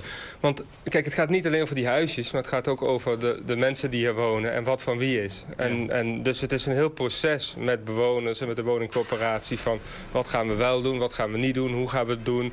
Dan is er weer een particulier die denkt, hé, ik ga ook meedoen. Maar een jaar later valt hij weer af, omdat hij toch besluit om ergens anders te gaan wonen. En dan komt er weer een nieuwe bij. Dus je bent eigenlijk in, steeds in een proces bezig om langzaamaan iets vorm te geven. Hier heb je dus al die verschillende huisjes. En dat is ook in het bestemmingsplan zo vastgelegd. Het is eigenlijk als een krimpfolie om die oude huisjes heen gelegd. En zo is eigenlijk ook de contour ontstaan van dit, eh, van dit complexje. Dus die drie huisjes op een rij, dat zijn er twee. Die moesten een da- dak hebben met een goot op, op de eerste verdieping. En dat andere huisje, dat was ooit een huisje van twee lagen. Daar mocht een laag bovenop, dus dat werd uiteindelijk drie lagen. Dus wat een heel erg sculpturaal ensemble is geworden nu... omdat we het in één materiaal hebben gemaakt... dat is niet uit vorm wil ontstaan... maar dat is eigenlijk door het bestemmingsplan is dat gedicteerd. Zeg maar. Dus dat is Ja. heel grappig. Ik snap het. Ja. Sculp- sculpturaal, hoe zei je nou? Sculpturaal? Ensemble. Ensemble. Linda. Linda, Vlasserood, je bent eh, eh, architectuurhistoricus. Is dat waar je voor viel? Het sculpturaal ensemble? Ehm, nou goed, we hebben het... eh, Je hebt het het opgenomen in we, je jaarboek. We hebben eh, het laatste project eh, opgenomen in het eh, jaarboek. Eh, het, ja, het, zegt al, het woord zegt het al, jaarboek. Dus we hebben de oogst van één jaar eh, onder de loep genomen. Maar we hebben wel met eh, dit project eigenlijk de hele, die hele ontwikkeling van die afgelopen tien jaar willen belonen, tussen aanhalingstekens. Omdat we het interessant vinden dat eh, die stadsvernieuwing op zo'n stedelijke schaal, en de bijdrage die architectuur aan de stad kan leveren en de verbetering van zo'n straat, eh, dat dat zeg maar op deze manier is aangepakt, vinden we interessant. Het is voor Nederland eigenlijk niet heel gebruikelijk. We zien het wel in landen als België en ook in, in, in, Engeland. Dat je dus met een soort van acupunctuurprojecten hè, probeert de kwaliteit te bevorderen. Ja. Maar in Nederland kennen we het eigenlijk nog niet. ho, ho. Acupunctuurprojecten. Ja, als een soort ja, acupunctuur, als een soort speldenprikken. Je hebt natuurlijk een stedelijk ensemble. In dit geval heb je een straat. En door dat stapsgewijs en met kleine toevoegingen steeds te doen... ehm, eh, bouw je, nou, wat, wat de architecten zelf ook al zeggen... in de tijd een, eh, een profiel op. Eh, probeer die kwaliteit steeds te verbeteren. Het is ook work in progress. Hè. Je leert van eh, voorgaande stappen. En eh, dus acupunctuur is iets anders dan eh, dat je bijvoorbeeld zo'n hele wijk in één keer neerzet. Het zegt iets over de afgelopen periode. Dus we belonen dat deel. Maar we zeggen ook iets over dat we denken dat dit in de toekomst veel meer zal gaan plaatsvinden. En dat we dat een interessante ontwikkeling vinden. Zullen we even kijken bij eh, die huizen? Want ik geloof dat jullie, jullie hebben gemaild hè, met, eh, met een van de bewoners. Dus Misschien Ja, dat er iemand... die zijn, Ja. Dat is wel grappig, die waren heel... Kun je, kun je het huis even beschrijven? Van, eh, Nou, het is van eh, eh, FSC gekeurd eh, eh, tropisch hardhout. Dus dat komt uit Brazilië en dat is dus eh, duurzaam bosbeheer. staande latten? Ja. Ja, het is eigenlijk hebben de, de latten hebben een vergelijkbare maat als eh, bakstenen. Hè? Eh, het is natuurlijk een heel ander materiaal, maar je kan eigenlijk ook een soort lijnenspel met die latten maken. Dus we hebben eigenlijk geprobeerd. Hout is natuurlijk vaak, hè, het is een heel warm materiaal en heeft heel positieve associaties, maar het is ook een beetje ja, een soort knuffelmateriaal. Maar we hebben eigenlijk geprobeerd om het heel eh, strak en architectonisch vorm te geven. Dat het toch heel eigentijds is en dat het ook een soort relatie heeft met de baksteen wat er omheen eh, staat. En dit is onbehandeld hout, dus op een gegeven moment eh, wordt het helemaal grijs. Dat vonden wij een interessante tegenstelling. Dus dat je een, een, een warm en, en zacht, tussen aanhalingstekens, eh, materiaal neemt. Maar dat je dat wel heel strak detailleert. Waardoor het toch een heel modern en architectonisch eh, eh, gebouw is uiteindelijk. Kijk, daar is de bewoner. De bewoner. Goedendag. Ik ben Botte Jellema van de VPRO. Pim. Hallo, van Radio 1. We, wa- we waren even over de buitenkant aan het praten. Ja? Kom, kom je er even bij staan. is, het, is het helemaal van hout? Van buiten bedoel je? Je vraagt niet van binnen? Van binnen. Van binnen niet. Nee, we hebben juist het contrast opgezocht binnen weer. Mhm. Ja, een, een Hollands huis helemaal van hout. Gevoelsmatig klopt niet helemaal. Uh-huh. Dus we hebben het binnen juist als contrast opgezocht, maar wel in de basismaterialen. Dus inderdaad beton, glas. eh, dus dat dat wel doorgevoerd wordt in, in, in de woning zelf. En inderdaad het architectonische, dat is voor ons een heel belangrijk element geworden eigenlijk door de ruimte. Eh, ik durf het bijna niet te vragen, maar zouden we even binnen mogen kijken? Ja, dat mag. Heel graag. Want ehm, dat, is, dat is wel leuk. Ja, er komt nu een hele, hele stoet binnen zitten, maar Ja. dat is wel leuk. Want jullie huis eh, is opgenomen in het eh, architectuurjaarboek van Nederland. Ja, klopt. Dus is, en daar staan 30 huizen in. Zij is de samenstelster van het boek, Linda Eén van de vier. Ja, samenstellers. Ja, klopt, ja. klopt. Je herinnert je haar? Ja, ja, er was ook een hele dele- delegatie kwam toen mee. En, eh, ja, ik was er één van. Ja, dat weet ik inderdaad nog. Ja, grappig. Nou, ze heeft het boek bij haar, maar we mogen het nog niet zien... want het wordt morgen pas gepresenteerd. Dat is allemaal heel streng. Maar, eh, maar daar staan jullie in. Het is een van de dertig, ehm, ja, hoe zeg je dat? Beste of meest opvallende? Of, of... Ja, nou goed, ja, allebei. Dus best en opvallend. Er zijn natuurlijk er, er zijn eh, meer dan 300 inzendingen.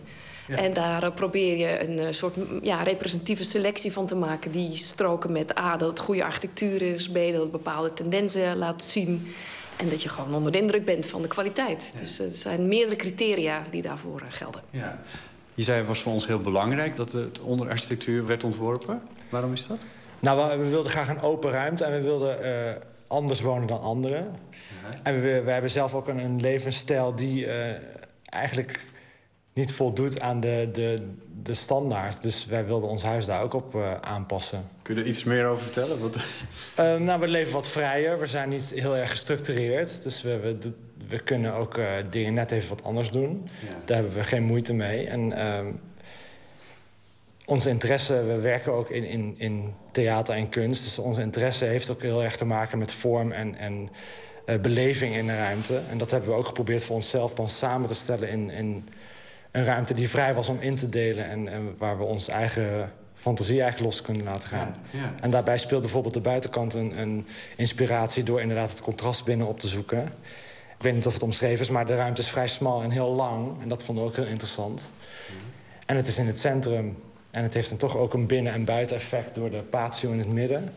Dus de lichtval die binnenkomt en de, de, eigenlijk de beschutheid door het bunkergevoel, door de lengte. Doordat er geen ramen aan de zijkant zitten eh, tussendoor. Dat zijn allemaal elementen die ons heel erg aanspraken. En is het idee wat je, de, wat je erbij had, wat je nu vertelt... is, is dat ook eh, werkelijkheid geworden? Is dat ook inderdaad goed bevallen? Ja, absoluut. Ja, dat zeker. Er zijn nog kleine elementen die misschien nog wel eh, verder ontwikkeld moeten worden. Maar daar nemen we ook de tijd voor om te laten bezinken wat, wat dan de beste opties zijn. Want, want waar heb je het dan over? Ehm, ja, het wonen op zich natuurlijk. We hebben bijvoorbeeld niks voor de ramen hangen. En hoe bevalt dat als je eenmaal aan tafel zit... en de hele dag zit iedereen op je, op je blad te kijken? Ja. Dat, dat, dat, Dat lijkt me op zichzelf iets wat je zou kunnen oplossen. Of Nee, dat, denk dat ik zijn nog heel juist- ouderwets. Nee, dat, het heeft ook niet te maken met het kunnen oplossen, maar bevalt het dan? Is het, is het, ja, is Ja. het haalbaar om zo te leven?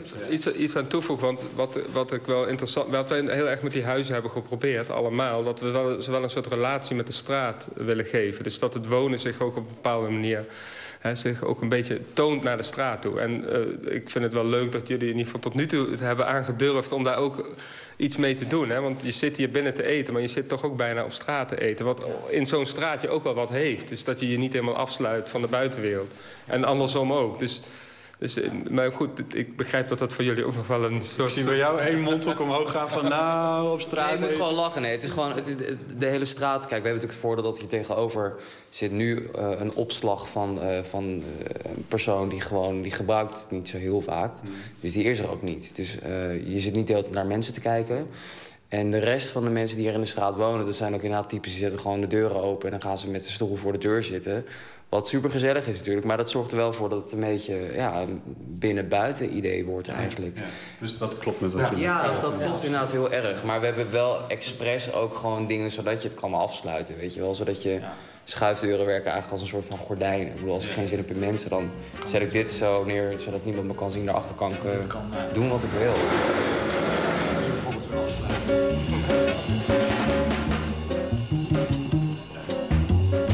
Wat ik wel heel leuk vind is dat je dus als je, als je iets bijzonders maakt, dat dat dus kennelijk ook eh, bijzondere mensen aantrekt. Die de kwaliteiten daarvan zien. Dus dat, ja, ik ben heel blij met dit soort bewoners, zeg maar, die, die de kwaliteiten van zo'n gebouw ook waarderen. Weet je wel? Wil ik eventjes naar Linda, onze eh architectuurhistorica. Als u, als u dit zo hoort, wat, wat vindt u daarvan? Nou ja, goed, ik ben daar zelf natuurlijk ook heel positief over. Dat, ehm, eh, dat deze mensen gewoon ontzettend blij zijn met deze woning. Kijk, uiteindelijk, ehm architectuur is een heel bijzonder vak. Alleen heel veel mensen hebben niet door eh, wat dat vak precies inhoudt. Hè. Dus dat, eh, in Nederland met name is alles om ons heen is ontworpen. Eh, alleen heel veel mensen hebben niet door dat dat door architecten is gedaan. Dat dat een, een positieve inbreng heeft op onze kwaliteit van leven. Eh, en dit is het verhaal wat ik nu zo aanhoor. Gaat natuurlijk heel erg over wat is de kwaliteit van leven. En wat, wat voegt architectuur daaraan toe. En dat het dus geen eenheidsworst is. Maar dat het op maat kan zijn en kan uitdagen. Het is toch altijd de kunst om te zien hoe je, eh, zonder dat je vaak weet wie de doelgroep is, dat je toch architectuur kunt maken die ruimte laat aan die bewoner om daar zijn eigen draai aan te geven. En ook wat, nou ja, dat het fijn is dat mensen waarderen wat die ruimte met ze doet. Omdat ik, zoals ik al zei, niet iedereen dat zich heel goed beseft. Krijgen, krijgen jullie veel bezoek hier? Mensen die het huis willen zien? Nou, we, hebben nog niet superveel mensen uitgenodigd. Ik bedoel natuurlijk wel ja, familie en directe vrienden en dat soort dingen. Maar eh, wat we wel heel vaak merken is, dan zitten we hier... en dan gaan mensen echt stilstaan en naar het huis kijken. Of naar het gebouw op zich. Dus dat is voor jullie wel echt een compliment dat jullie iets hebben neergezet... wat gewoon ja, de aandacht trekt. En wat, of de aandacht op een positieve manier. Wat ook wel eens, dan kom ik thuis met boodschappen... en dan staat er weer iemand te kijken en die zegt... ik ben het huis aan het bewonderen, ik vind het prachtig. En denk ik, oh, nou ja, prima. Ja, top. Wij ook. Ja. Leuk. Ja, toch? En zelfs met Ramenzeem, je ziet soms handen dat mensen naar binnen hebben gegaan. dat, dat is wel, ja, er gebeurt wel wat.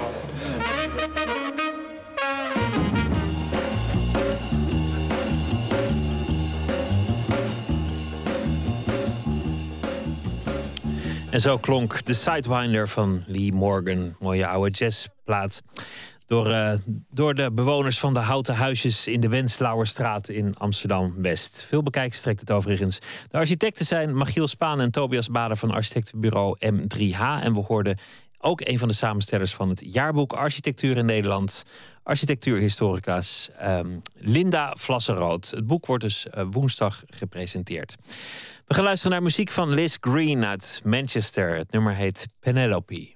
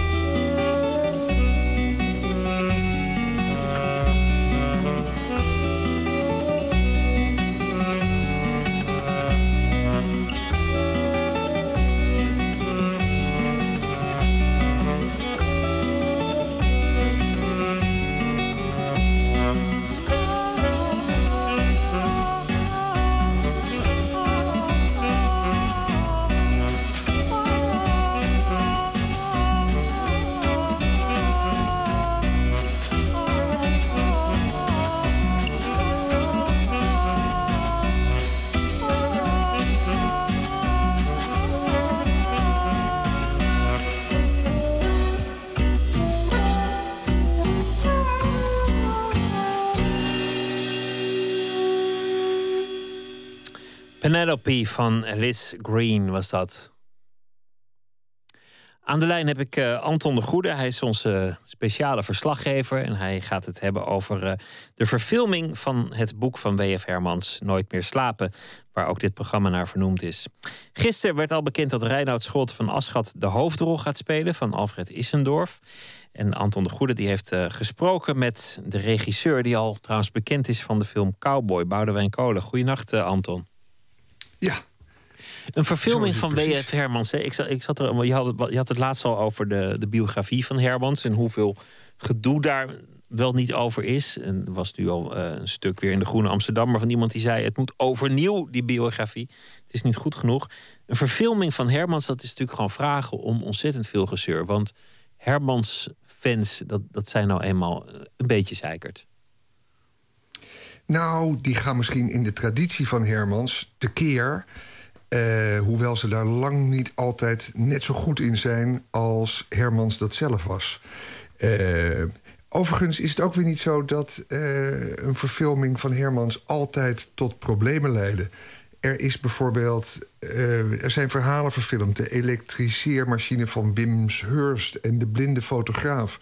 En daar was Hermans redelijk over te spreken. Een andere film, De Donkere Kamer van Damocles... dat werd ooit als, als twee druppels water eh, verfilming. Dat leidde tot een enorme eh, affaire. Want eh, Hermans was lastig en die was niet tevreden. Maar nu, dus ja, nee, toch prachtig nieuws. Nooit meer slapen. Verfilmd door Boudewijn Kolen. En ik heb er hele goede verwachtingen van. Ehm komt pas volgend jaar uit. Maar ja, ook een beetje omdat ons programma Nooit meer slapen heet. Leuk om er aandacht aan te besteden. Eh, die acteur Reinoud Scholte van Aschat... die gaat de rol van Alfred Issendorf vertolken. En inderdaad, Boudewijn Kolen... die kunnen we kennen van zijn debuutfilm Cowboy. Laat ik nog even zeggen waar het verhaal over gaat. Ja. Jonge, geo- hè? Jonge geoloog Alfred Issendorf... die is op expeditie in Noorwegen... en die gaat op zoek naar meteori- meteorieten. Hij, ambitieuze jonge wetenschapper die hoopt naam te maken door deze reis... en een belangrijk wetenschappelijk bewijs zal vinden. Op die manier probeert hij het werk van zijn vader voor te zetten... die tijdens zijn eigen onderzoeksproject om het leven is gekomen. Alfred, de hoofdpersoon, samen met onder andere zijn collega Arne... die moet vooral enorm afzien op de vrede toendra van Noord-Europa. Nou, en, En afzien uit- met, met, met alleen maar hoofdletters. Snurkende collega's, kou, natte voeten, eh, noorderlicht, slapeloze nachten. Het, is- het is eh, de ene zit verschrikking midden- na de ander. we zitten midden in het sadistisch universum, zoals eh, Hermans dat noemde, hè, het leven. Ehm, eh, ja, Reinoud Scholte van Aschat die gaat die rol spelen. Ik heb gevraagd of hij aan de telefoon wilde komen. Dat wilde hij niet, want hij zit midden in een andere voorstelling... maar hij voelt zich zeer vereerd. Ehm, groot Hermans-fan. Droomrol voor iedere acteur, zei hij nog. En ook ziet hij er naar uit om met deze Boudewijn Kolen te werken. Samen gaan ze van de zomer naar Noorwegen om Lapland eh, te bezoeken... en bijvoorbeeld lek gestoken te worden door de muggen. Die muggen die ook in dat boek enorm aanwezig zijn. Regisseur Boudewijn Kolen heb ik gevraagd naar zijn keuze... voor Reinoud Scholte van Aschat. En natuurlijk gaat hij zeggen dat hij daar blij mee is. Maar hij klinkt ook echt overtuigend. Luister naar Reinoud Scholte van Aschat. Nee, naar dus Nee, eh, de nee naar de, regisseur. de regisseur juist. Juist, naar Boudewijn Kolen. een aantal rollen mooi heeft neergezet. Hij is heel muzikaal. En er is iets in hem, ja, dat hij met heel weinig ehm, eh, heel veel kan vullen. Dus ja, nou, ik, eh, ik zie hem gewoon als Alfred daar lopen. En daarbij, toen hebben we elkaar ontmoet en dat klikte ook enorm. Hij is ook nog eens rete slim. Dus eh, nee, het wordt heel spannend als hij Ja, hij was onlangs de gast bij ons, eh, Reinoud Scholte van Aschat. Eh, toen ging het over de serie Kruif, waarin hij eh, de jonge Kruif eh, speelt. Ja, Johan, ja. De, de jonge Johan Kruif. Nou ja, dat kan ik beamen. Het is een slimme jongen. ja. slimme jongen. ja, ik heb een uur met hem zitten praten en er kwamen nou, ja, toch overwegend intelligente dingen uit. Nou, ontzettend leuk. En ehm, we gaan ons dus verheugen. En we gaan ons ook verheugen, inderdaad, jij zei het al, op misschien wel gedoe over hoe eh, gaat dat nou eh, eruit zien. Want hoe verfilm je een boek? Nooit meer slapen. Er was ooit een plan, ene Gerard Verhagen. Die zou het willen verfilmen. Er was zelfs een script, al gemaakt door Gerard Soeterman. Maar Verhagen overleed in 2008. En voor die tijd was er gebrek aan financiën om tot een film te komen. En dat script van Gerard Soeterman was Hermans trouwens niet enthousiast over. Hermans die zei ooit... zo'n filmmaker moet niet denken dat hij betere dialogen kan maken dan ik. Dat zeg ik niet om op te scheppen, maar zo is het nou eenmaal. Ik heb in het archief iets gevonden. Hermans die vertelt over wat de kern is van Nooit meer slapen. Laten we daar gewoon, omdat het altijd leuk is om Hermans te horen, naar luisteren. In 1986 in gesprek met Freddy de Vree. Ik geloof dat, zonder dat het met zoveel woorden in de roman wordt gezegd... de twee personages in wezen nog verknocht zijn aan een heel oude menselijke problematiek... namelijk de vraag, ben ik onsterfelijk en kan ik onsterfelijk worden? De manier waarop de hoofdpersoon van het boek Alfred onsterfelijk poogt te worden... is het vinden, doen van een wetenschappelijke ontdekking die eh, voor vele eeuwen geldig zal zijn. En nu heeft het natuurlijk wel een symbolische betekenis. Je hebt duizenden eh, wetenschappelijke ontdekkingen. Eh, weet ik veel, nieuwe verbindingen, nieuwe apparaten, nieuwe wiskundige stellingen, nieuwe virussen. Maar hij poogt dus iets te ontdekken dat tot hem zou moeten komen van buiten de aardse atmosfeer. Namelijk die meteorieten. Hè. Dat is dus misschien, zoals u het uitdrukt, een metafoor... voor wat andere mystici als een flits van goddelijke openbaring hebben ervaren. Ja, altijd, altijd leuk om, om Hermans eh, te horen. Het, het is misschien vloeken in de, de Hermansiaanse kerk, maar van, van al die boeken denk ik dat Nooit meer slapen een van de, de boeken is die nu nog het, beste overeind is gebleven. Er zijn, er zijn een paar dingen, ik bedoel, het is allemaal nog goed, maar er zijn een paar dingen die misschien nu wat minder raak zouden zijn dan, dan in de tijd. Maar Nooit meer slapen staat nog volledig overeind. Als boek. Ja, hoewel mijn dochter van 17 onlangs eh, eh, de, de Donkere Kamer van Damocles las, van A tot Z, eh, van kaf tot kaft in rap tempo. Dus het verbaasde mij dat Hermans nog zo toegankelijk is. Ehm, maar inderdaad, nooit meer slapen misschien nog wel toegankelijker. De vraag nog dame, even ja. hoe- De, de, kamer, de Kamer van Damocles ook natuurlijk, maar misschien andere, andere werken zoals. Ik heb altijd gelijk dat daar, dat daar een heel klein beetje stof op zou kunnen Ja. liggen in de hoekjes. Ja, Is ook zo. Ik vroeg Boudewijn ook nog hoe die er nu een eh Boudewijn Kolen, hoe die er nu een goede film van wil maken. Indachtig de woorden van Hermans, die ooit zei: een filmmaker moet van een boek grote delen schrappen om de kern intact te laten. Eh, hè, om bepaalde dialogen eh, gewoon te handhaven zoals die erin staan, moet je andere delen gewoon rukzichtloos weglaten. Boudewijn Kolen kende dit citaat van Hermans niet, zei hij vanmiddag. Maar het is wel precies wat hij in zijn script heeft gedaan. Luister. Wat ik gedaan heb is het begin en het einde er als eerste af te hakken. Waardoor er een soort tijdloze reis ontstaat van eh, drie jonge mannen die eh, een meteoriet zoeken en de ander die zoekt van allerlei... Ze zoeken allemaal wat en praten over eh, existentialistische gedachten. Dat delen we in, een, in een brede natuur. Een soort overlevingstocht die abstracter wordt. En dat, eh, dat heeft mij eh, het meest getroffen. En dat probeer ik goed te doen. En daar inderdaad soms heel trouw te zijn aan het boek. Letterlijk dialogen over te nemen. Allerlei dingen zitten er helemaal letterlijk in. Maar op andere punten voel ik me geheel vrij om, als het vooral literaire kracht betreft, om daar een filmisch antwoord te zoeken. En ehm, eh, eh, gelukkig eh, kreeg ik die vrijheid van de bezige bij en van Ruprecht Hermans. Om, die zegt, joh, een boek is, is geen film. Maak alsjeblieft een film en niet een, eh, een verslag van het boek. Nou, heel veel reden om eh, nieuwsgierig te zijn naar de film Nooit meer slapen. Het zal nog lang duren voor die er eh, uiteindelijk is in de bioscoop. Leuk om uh, Ja, vast de regisseur te horen.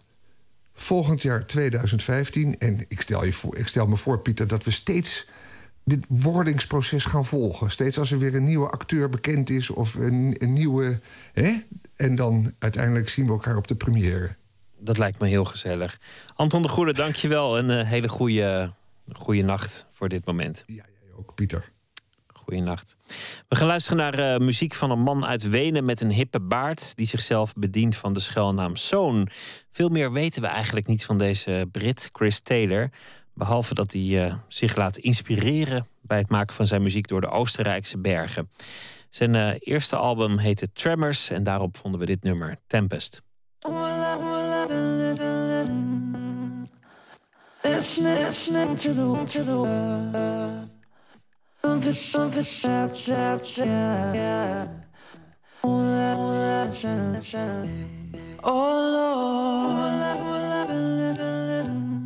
let me listening, listening to the to the word. Do right, something, something sad, sad, sad. Do wrong. Oh, that, oh, that, sad, sad. Unclose.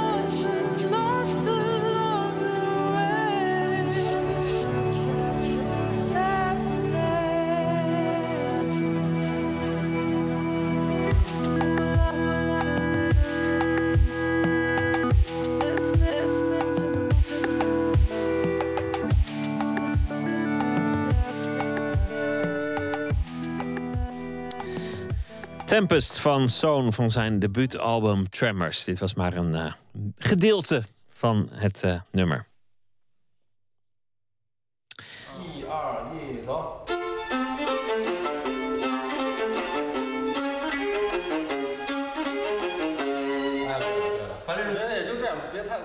Dit zijn de aanvoerders van de China National Symphony Orchestra in Peking. Ze oefenen voor het volgende concert. Het zijn muzici van wereldformaat en ze spelen voor een select publiek. Maar de muziek die ze spelen is niet langer voorbehouden aan de happy few. Het is letterlijk music for the millions.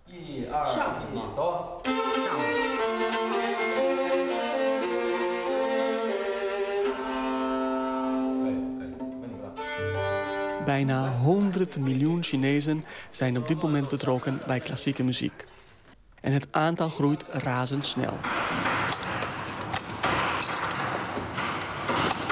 Ik ben nu bij de Pearl River Piano Company in Guangzhou, ten zuiden van China.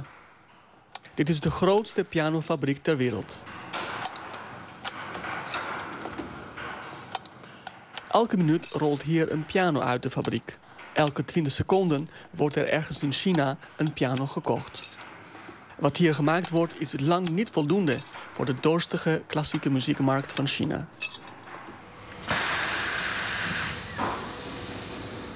Xiao Wei is plaatsvervangend hoofdmanager van de Pearl River Factory. With the growing up of the economic of Chinese, uh, more and more people they have a they have a big apartment and uh, also you know at this moment most uh, younger couple they have one child and uh, Al jaren gaat het goed met de Chinese economie.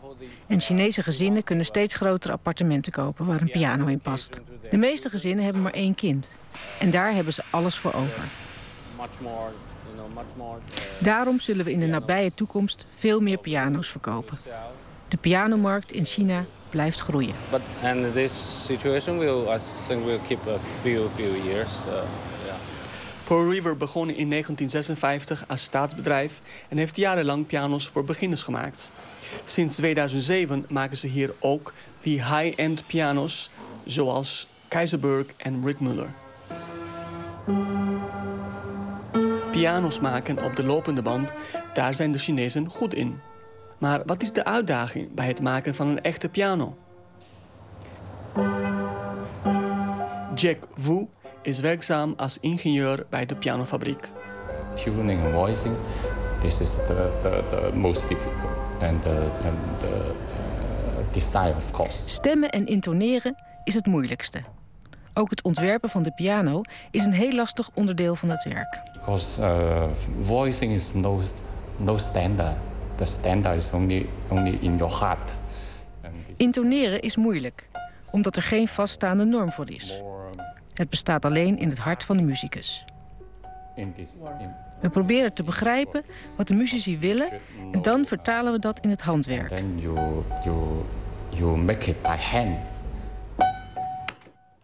Een muziekinstrument leren is zeker de moeite waard in China, waar je extra moet knokken om je te onderscheiden. Als je piano of viool speelt, heb je meer kans op een betere opleiding, met als gevolg meer kans op een goede baan. In het onderwijssysteem krijg je meer punten als je een muziekinstrument bespeelt.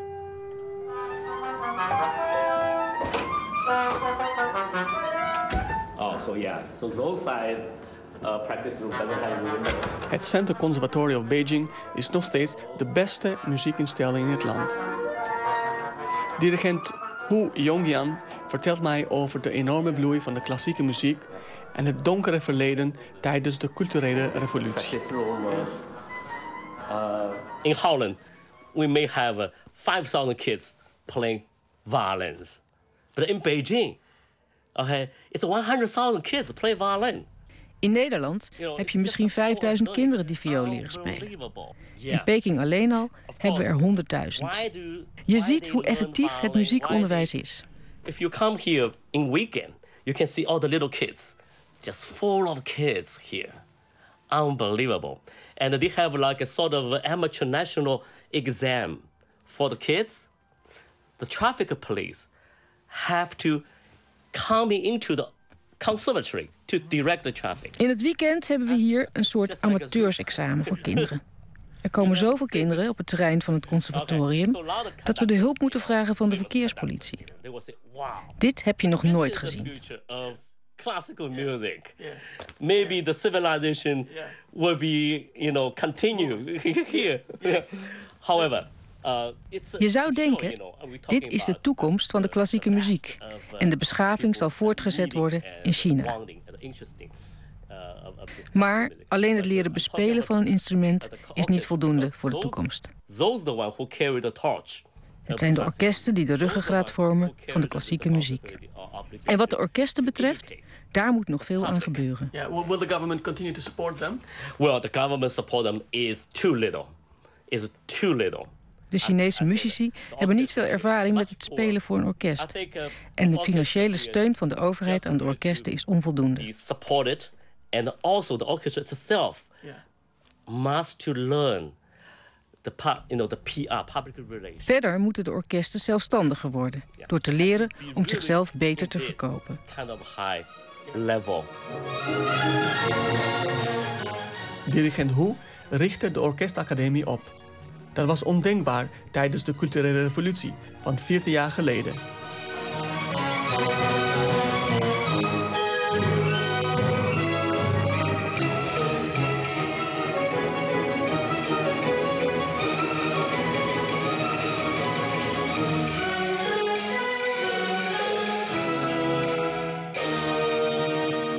Old were you then? Okay, I was like uh, nine and ten. I remember the third grade. Yeah, uh, because I was born in Shanghai, and uh, so still in Cultural Revolution, the metropolitan city of Shanghai. Ik was toen tien jaar en woonde in Shanghai. Klassieke muziek was verboden, maar de klassieke muziekinstrumenten werden toch gebruikt. Het leren bespelen van viool of cello bleef doorgaan, maar nu in het geheim. Je mocht daarover niet in het openbaar praten. Learning violins or learning how to play cello never stopped. Never stopped. It, but of course, uh, by then, it sort of uh, uh, went into underground.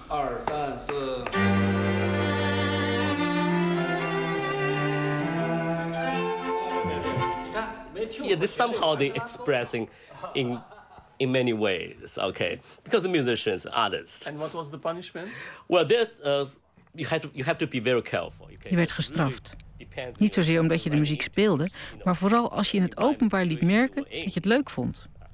In sommige situaties zou je in de gevangenis terecht zijn gekomen. Bijvoorbeeld als je had gezegd dat Mozart of Beethoven je favoriete componist was.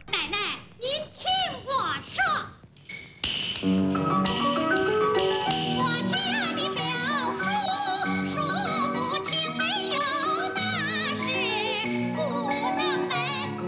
government uh, produced uh, some like uh, the combination between picking opera and the symphony together. So they Als onderdeel van hun propaganda maakten de communistische muzici voorstellingen die een combinatie waren van de Peking-opera en symfonie. Daardoor bleven goede muzici nodig.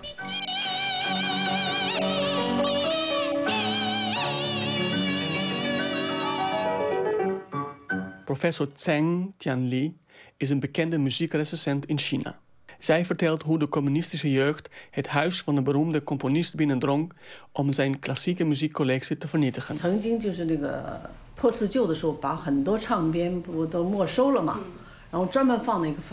Na de inval bleek toch dat een deel van de collectie niet helemaal vernietigd was. Hij vertelde haar hoe blij hij was dat hij nog steeds naar Pavarotti kon luisteren.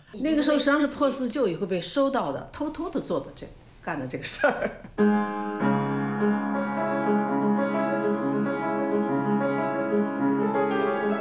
professor cheng studiert de piano and the central conservatory of beijing and is there became metavestosaclassica music 我觉得中国是近一个世纪或者近多半个世纪Nu maakt ze zich zorgen dat de jonge mensen in China hun eigen muziek gaan vergeten vanwege de westerse klassieke muziek.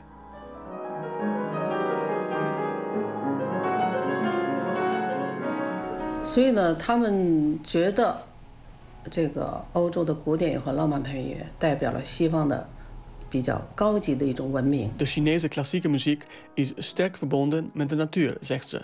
En hetzelfde geldt voor de Chinese poëzie.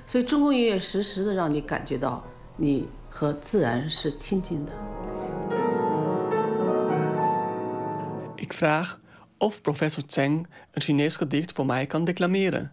One of your favorite Chinese poems? Just the short one? Oh ja, dit Zij moet even nadenken.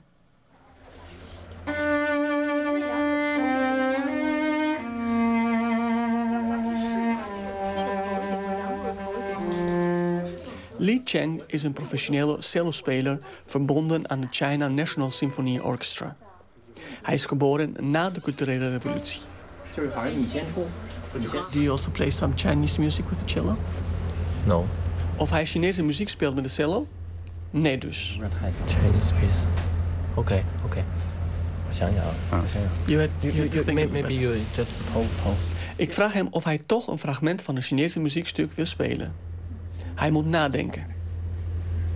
Lee kreeg een cello van zijn ouders toen hij zes jaar was. When, when did you get your first cello? First cello is uh, six six years old. Okay.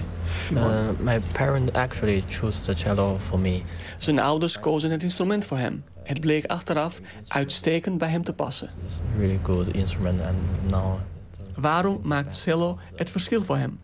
Uh, for example, like uh, when when you be in in Chinese, and uh, it's, it's a dish of the, the name is a gongbao jiding or something like a spicy food.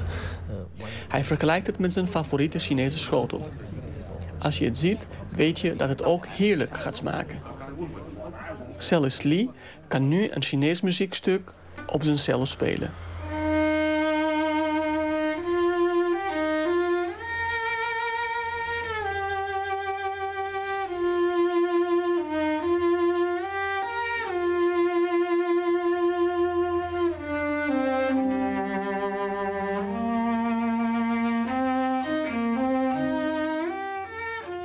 Professor Tseng gaat nu het gedicht declameren. Het gedicht gaat over een eenzame dichter. 花间一壶酒，独酌无相亲。举杯邀明月， 对影成三人。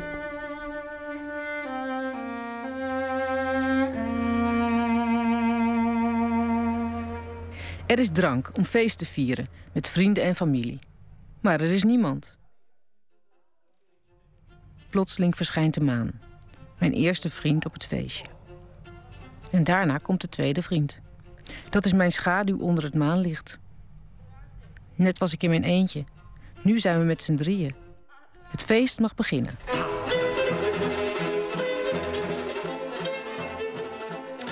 Een reportage van Fatos Vladi over de bloeitijd van de westerse klassieke muziek in China. Waar eh, minstens 40 miljoen kinderen piano leren spelen en er elke maand een concerthal bij komt. Daarmee zijn we aan het einde gekomen van deze aflevering van Nooit meer slapen. En morgen nacht zijn we er weer na middernacht. En eh, dan gaan we het eh, hebben over eh, heel veel dingen. Maar eh, Boris van der Ham, acteur en politicus, die komt eh, op bezoek om te praten over zijn boek. Over zijn kijk op macht en democratie. Graag tot morgen dus. En voor nu een hele mooie nacht.